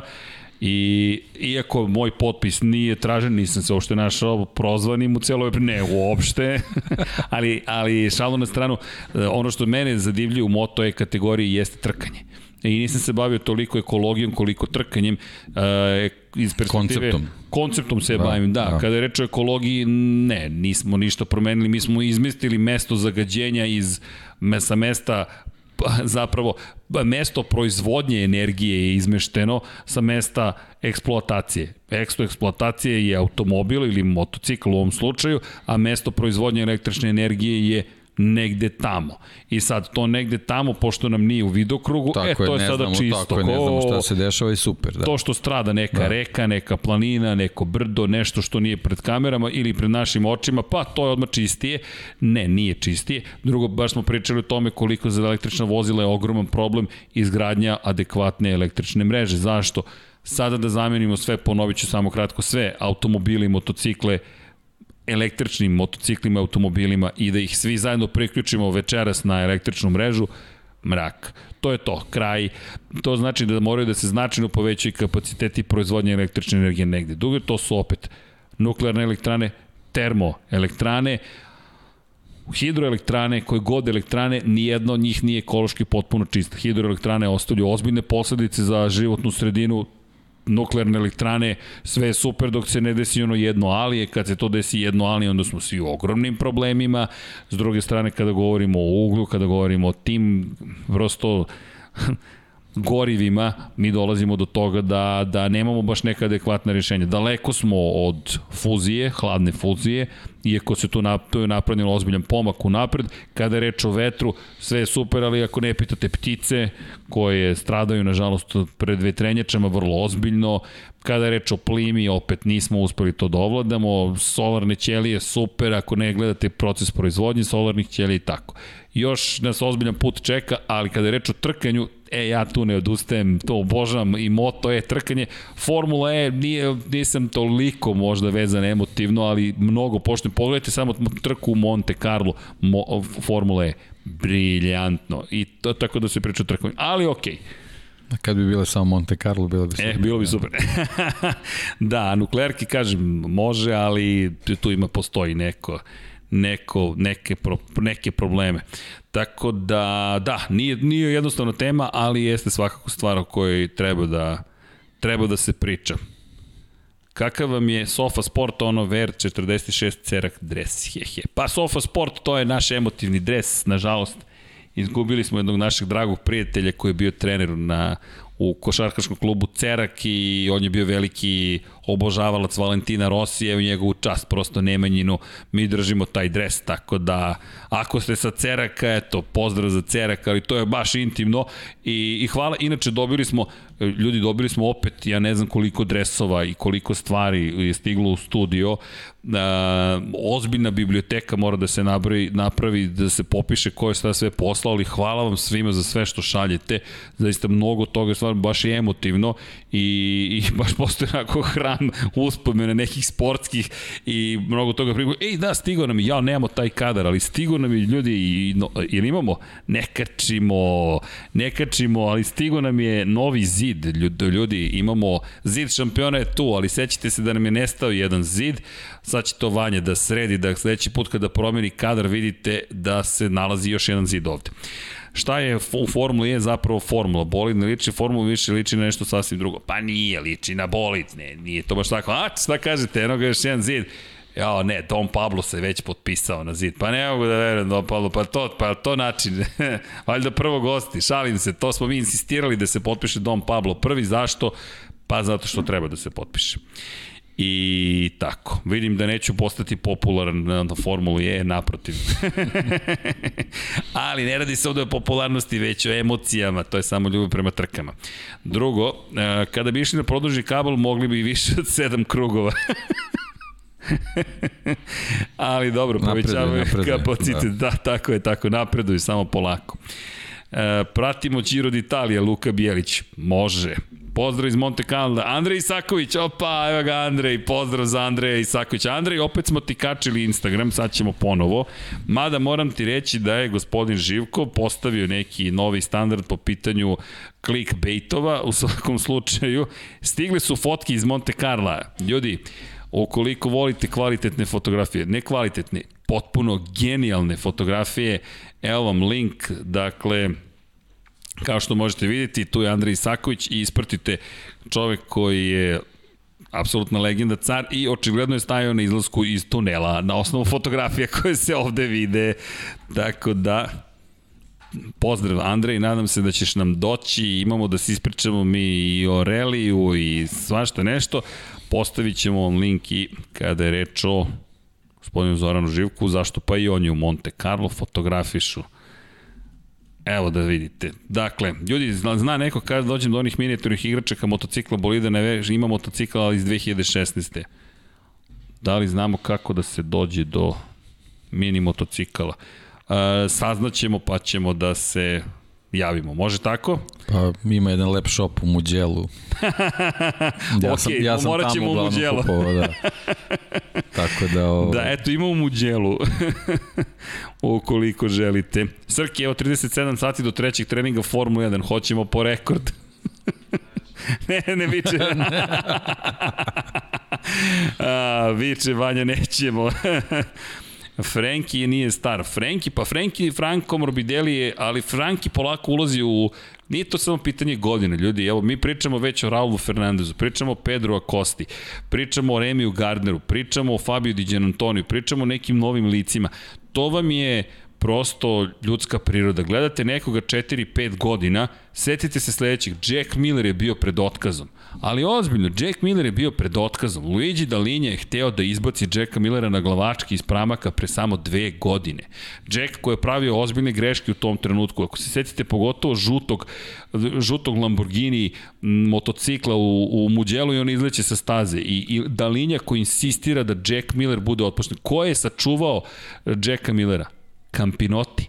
Vlasnik Pramaka je rekao ne, Jack Miller ostaje. To je njegov bio potez i Ducati je rekao ok, Ducati koji sada ima dve pobede zahvaljujući Jacku Milleru. Tako da neko mora da podrži Franka u pravom trenutku. Razlan Razali, mislim da ima tu sposobnost i moć. Mislim da da ni Rossi, ni Razali, niko nije srećan trenutno što ta saradnja ne funkcioniše bolje. Da je Rossi treći, drugi, četvrti, peti, šesti, tamo bi cvetale ruže, svi bi bili srećeni, ali moral brzo padne prosto brzo padne, a Franki nije dobio motocikl. Ti sad s jedne strane si se nadao baj, jednoj bajkovitoj priči u kojoj Rossi nešto uspeva, to se ne događa, Morbideliju nisi dao motocikl. A onda, pa gde je treći motocikl? Pa, s druge strane garaže. I to je priroda stvari. Valentino Rossi je legenda, ali neko sada mora da stane iza tog istog Franka Morbidelija i kaže, ok, izgubio si jednu godinu, realno izgubljena jedna godina, ali ne odustajemo od tebe. E, taj Campinotti sada mora da se pojavi u karijeri Franka Morbidelija i da mu da mogućnost. Jack Miller je dobio mogućnost da ga je, da ga je Dalinja isterao 2019. godine. Našao bi Ducati novog vozača u svojim redovima, brzo bi se našao neko seo bi na pramak Ducati. Možda već Zarko 2020. godine. Ali neko je stao iza Jacka Millera i Jack Miller sada pobeđuje. Tako da nije to samo pitanje godine, to mi je pitanje prosto toga da vreme teče. Vreme teče. Luka Bjelić, Superbike je baza, srž moto trka, nevjerojatno koliko malo pažnje privlači kod mlađe generacije. Šta ćete? Šta ćete? Šta da radimo? Ne, ovde se nešto smejemo, šalim se, hteo sam da ovde me gledaju značajno, pokazuju mi na, na sat. Imam sat, evo ga, tu je sat, vidim ga, ali pokušavaju da me ubrzaju.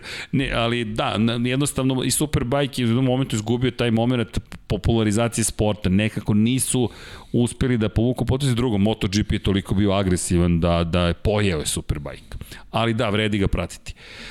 Vinjales promašio što je napustio Suzuki, tim koji pomogu da dobio fabričke specifikacije pozdrav.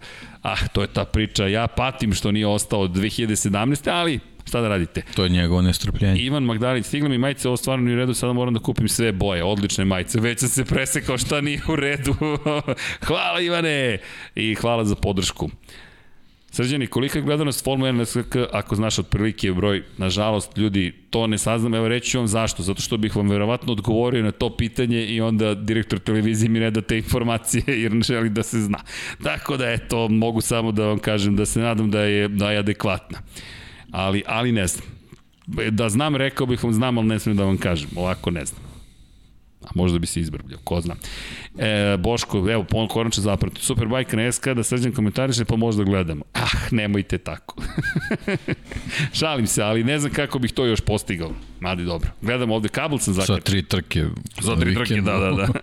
to bi baš bilo... Nije, nije, nije. Pozdrav za naše kolege koji komentarišu Superbike, tako da mi jednostavno ne, ne, ne bismo, ne bismo, ne bismo, ne, ne znam kako bismo to postavili. Miroslav Cvetić u Bolonju i Ducati muzeju. Ne znam koja je priča, ali mislim da treba da odete u Bolonju da posetite taj muzej i upoznate njihovog čuvenog kustosa, ali oprez. Oprez. To je jedan od onih old school kustosa, nadam se da još uvek radi. Ukoliko ne znate dovoljno, spremite se za, kao oni profesori koji ako ne znate, ne, morate steknete poštovanje. Nas je isekao kad smo ušli u Ducatijev muzej jer je mislio da smo došli samo da bismo noviju istoriju e, ispratili. U tom momentu se još pričalo Valentino Rossi u Ducati i on koji kaže Valentino Rossi is not Ducati. I mi kažemo, dobro, ali mi smo ovde zbog 40. godišnjice vaše velike pobede imali. oh, you know something about Ducati i mi kao, pa naravno da znamo, došli smo ovde da, e onda možete tako da otvorite priču, ali jedan super dasa koji zna mnogo i imate neverovatne neki motocikl. Srđane, šta misliš šta će biti s ekipom Suzuki u budućnosti? Pa mi, oni ostaju, da oni su i dalje u projektu Moto pa Grand Prix. Potpisano je, da. Da, da, da, pet godina. Ugovor, da pet godina, tako da svi su potpisali ugovor na još pet godina. Ljudi, da, to da napomenemo, to možemo da ponavljamo s vremena na vreme, do kraja 2026. svi timovi ostaju, to je ugovor koji je potpisan sa Dornom, tako da možete da budete mirni. Super, bye, time is marching, going on. da, da, da. Da li Suzuki ozbiljne probleme sa strane plasmana i trkanja nakon Lemana? Sofa Sport, to smo baš pokrili na početku, jeste. Da, ali pogledajte u nekih prvih sat i po, cenim da smo to obradili, jeste, ovo je ozbiljno problem.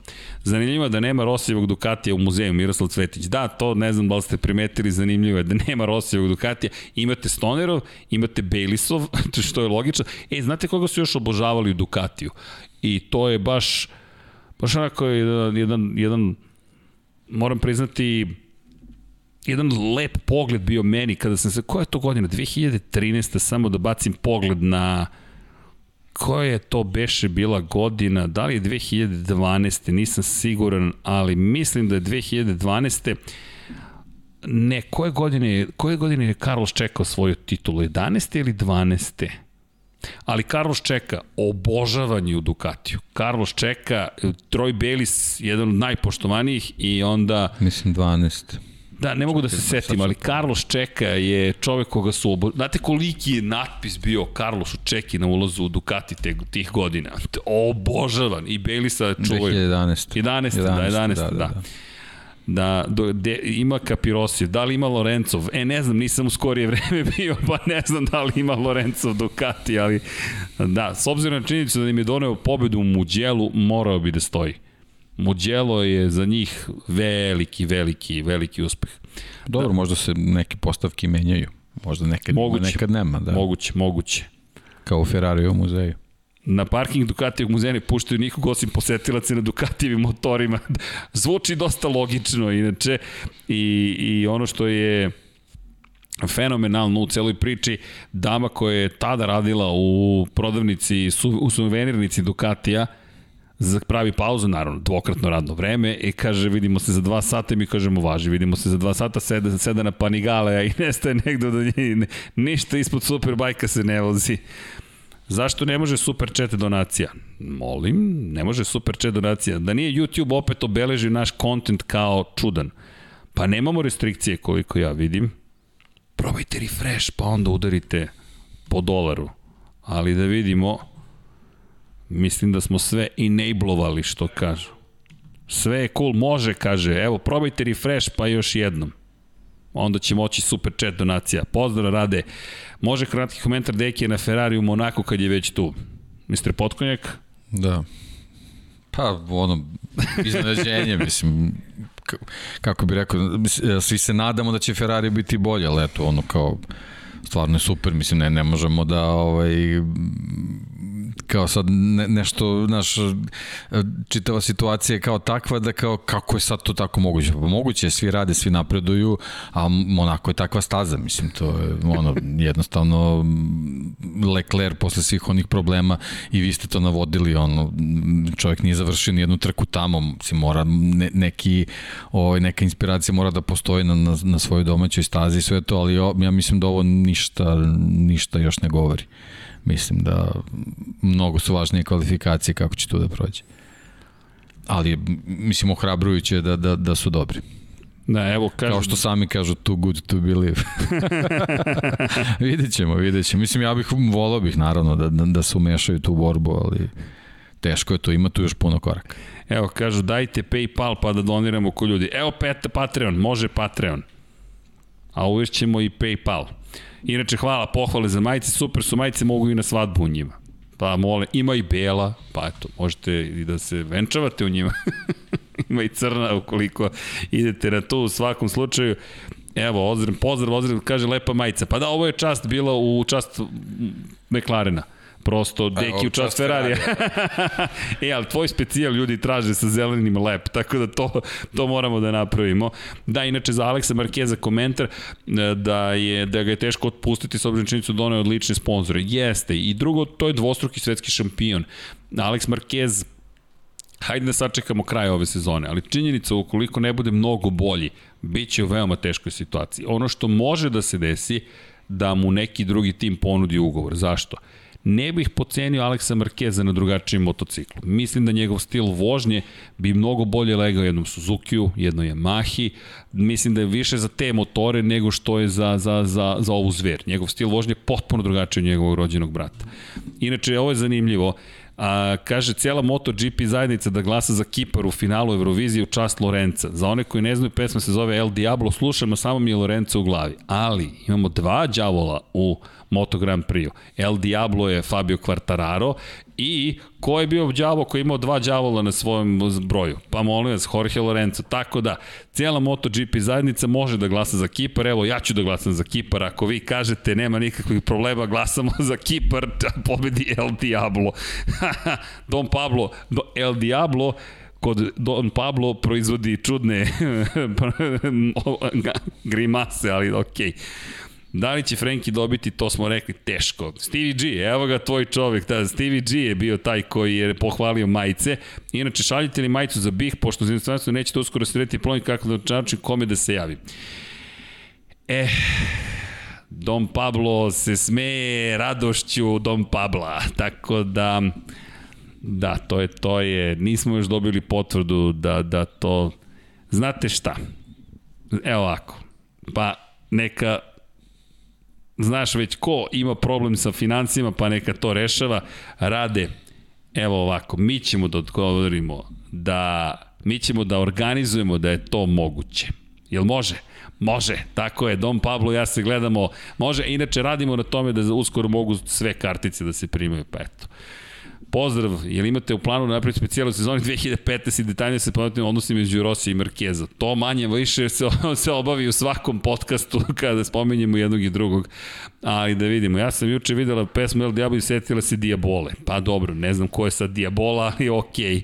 Okay. E, Ja nemam pravo, ne pratim Euroviziju. Šalio sam se za Euroviziju, ljudi, to je samo, eto, Marko Sezović ima lepo ide. Zamislite da, da istrulujemo Euroviziju, da pobedi kiparska pesma El Diablo zato što Moto Grand Prix zajednica se zabavila. Zašto da ne? Kakve veze ima? Život je kratak i tako dalje. Šta mislite Aleksu Markezu Petronasu i s obzirom na činjenicu da može da potpiše jer je bio, aha, bio je na putu da potpiše ugovor za Moto2. Pa nije nemoguće Nije nemoguće, zaista, da, da se tako nešto desi. Petronasu bi to odgovaralo. Marquez Mark, Marquez je vrlo popularan u Aziji, cenim i Alex Marquez da može to da bude vrlo popularan. Valjda niste pokazivali živkoje slike, nismo mi ništa pokazivali. Srđane, iskreno, ko ti je favorit ove godine u Moto Grand Prix? Ko, ko misli da će da osvoji titulu? Uf, uf, uf, uf, uf, uf, uf. Moram priznati da, da, da se lomim, moram priznati da Jack Miller teško koliko god da je zabeležio pobjeda, mislim da će opet imati te padove, ali Francesco Banjaja i, i Fabio Quartararo mi deluju naj, naj, najozbiljnije. Zarko dok ne zabeleži pobedu, ali, ali eto. No, Smir Velađić ima da može, pa to, to, to je, sad je, sad je na nama da nekako to izdejstvujemo, da se to završi, ali, ali opet ta priča o, o poštarini, to, to će, A mislim, problem rade. Problem vam je to što zapravo poslovanje sa inostranstvom se tako vodi da prilike moramo da dokažemo da smo zaista vam poslali majicu, da ste vi to primili i da se to zaista desilo, suprotno mogu da nas optuže da smo prali novac, bukvalno, jer onda odakle je taj novac stigao na naš račun i šta smo mi to uradili za ah, birokratija, eto, to vam je najveći problem. Da li je postojala neka bolja opcija kao rezerva za Finsku, dve trke u Austriji previše nakon onih incidenta prošle sezone? Red Bull Ring. Možemo sve da stavimo ad acta. Ljudi, Red Bull toliko investira u automoto sport, možemo bukvalno da stavimo ad acta, a ovde me prozivaju zbog naranđaste majice, pa ali to je sve u Što više nema Đankića u MotoGP podcastima. Mi se nadamo da će početi da se pojavljaju u MotoGP podcastima, ali opet ponavljamo, snima čovek muziku i bilo je planova da dođe, u početku nije mogao da dolazi, bilo je tu nekih problema, onda smo rešili situaciju sa Zoomom, ja se nadam iskreno da ćemo ga imati u skorije vreme, ali bukvalno ne šalim se kad kažem bilo je pre dve nedelje u studiju i nastavlja da pravi, ja se nadam, muziku. Drugo, pratite uskoro, ajde da ne govorim ja, ali mislim da ćete moći da čujete gospodina Đankića na još nekim mestima, da ja ne saopštavam bez njegove dozvole šta to priprema S obzirom da ima dosta ozbiljnih vozača u nižim kategorijama, šta mislite, hoće li Kona zadržati svoje mesto? Pa to smo već rekli, mislimo da mu je zaista ozbiljno ugroženo. A pošalji busom preko šofera Luka Bijelić. A da, na kraju ćemo doći na, na otprilike na, na, taj, na taj sistem. Marina, sama sebe ću da blokiram. Nemojte se Marina blokirati, zašto? Peko ili El Diablo, kaže Dragan Matić. Evo isto mislimo, Dragane. To, to su negde... Deki, šta ti misliš za, za titul? Hmm. Pa ne da. Nezgodno je sad u ovom trenutku to reći. Da. Možemo da onako sad prognoziramo na pamet. Ljudi, hoćemo polako da se pozdravljamo. 2 sata i 33 minuta kasnije. Nismo loši, čekajte. Nismo još prošli 3 sata, ali idemo malo ranije, ujutro nas čeka i Porsche Super Cup i ima još tu nekih, do, do, nekih obaveza. A, potpisao je Alex Marquez, koliko znam, jedna plus jedna godina, ali moram da proverim, prilično sam siguran da je opcija i za narednu sezonu za, za Aleksa Markeza. Tako da bi trebalo da ostane i naredne godine. A što se tiče Koste, da, da bi mogao u Repsol, pa to je ono što je Deki već i negde najavio da je to praktično, vi, da je praktično viđena situacija. I evo što ovo što anti-NSP komentariše, to je da Binder bi mogao takođe da bude pod znakom pitanja vrlo ozbiljnim, ukoliko ovako ostane, ukoliko forma ne bude adekvatna. U svakom slučaju, vreme je da se pozdravljamo, nadam se da ste uživali. Deki mi je već negde nestao u celoj ovoj priči.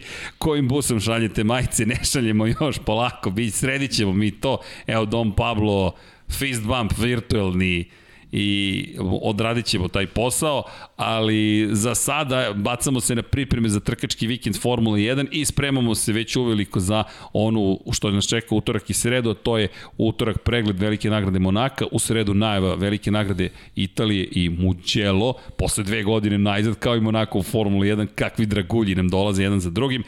Veliki pozdrav celoj ekipi, ljudi, Infinity Lighthouse vam šalje i ljubav i veliki pozdrav, vodite računa jedni u drugima, mazite se i pazite se naravno i budite dobri, učinite lepšom planetu na neki mali način, to je ono što, naj, najmanje što svi zajedno možemo da učinimo i naravno da užimo u automoto sportu, a idem da nekako oživimo gospodine Dekija Potkonjaka i da idemo kući i malo da se naspavamo. Hvala vam još jednom i čao svima! Thank you.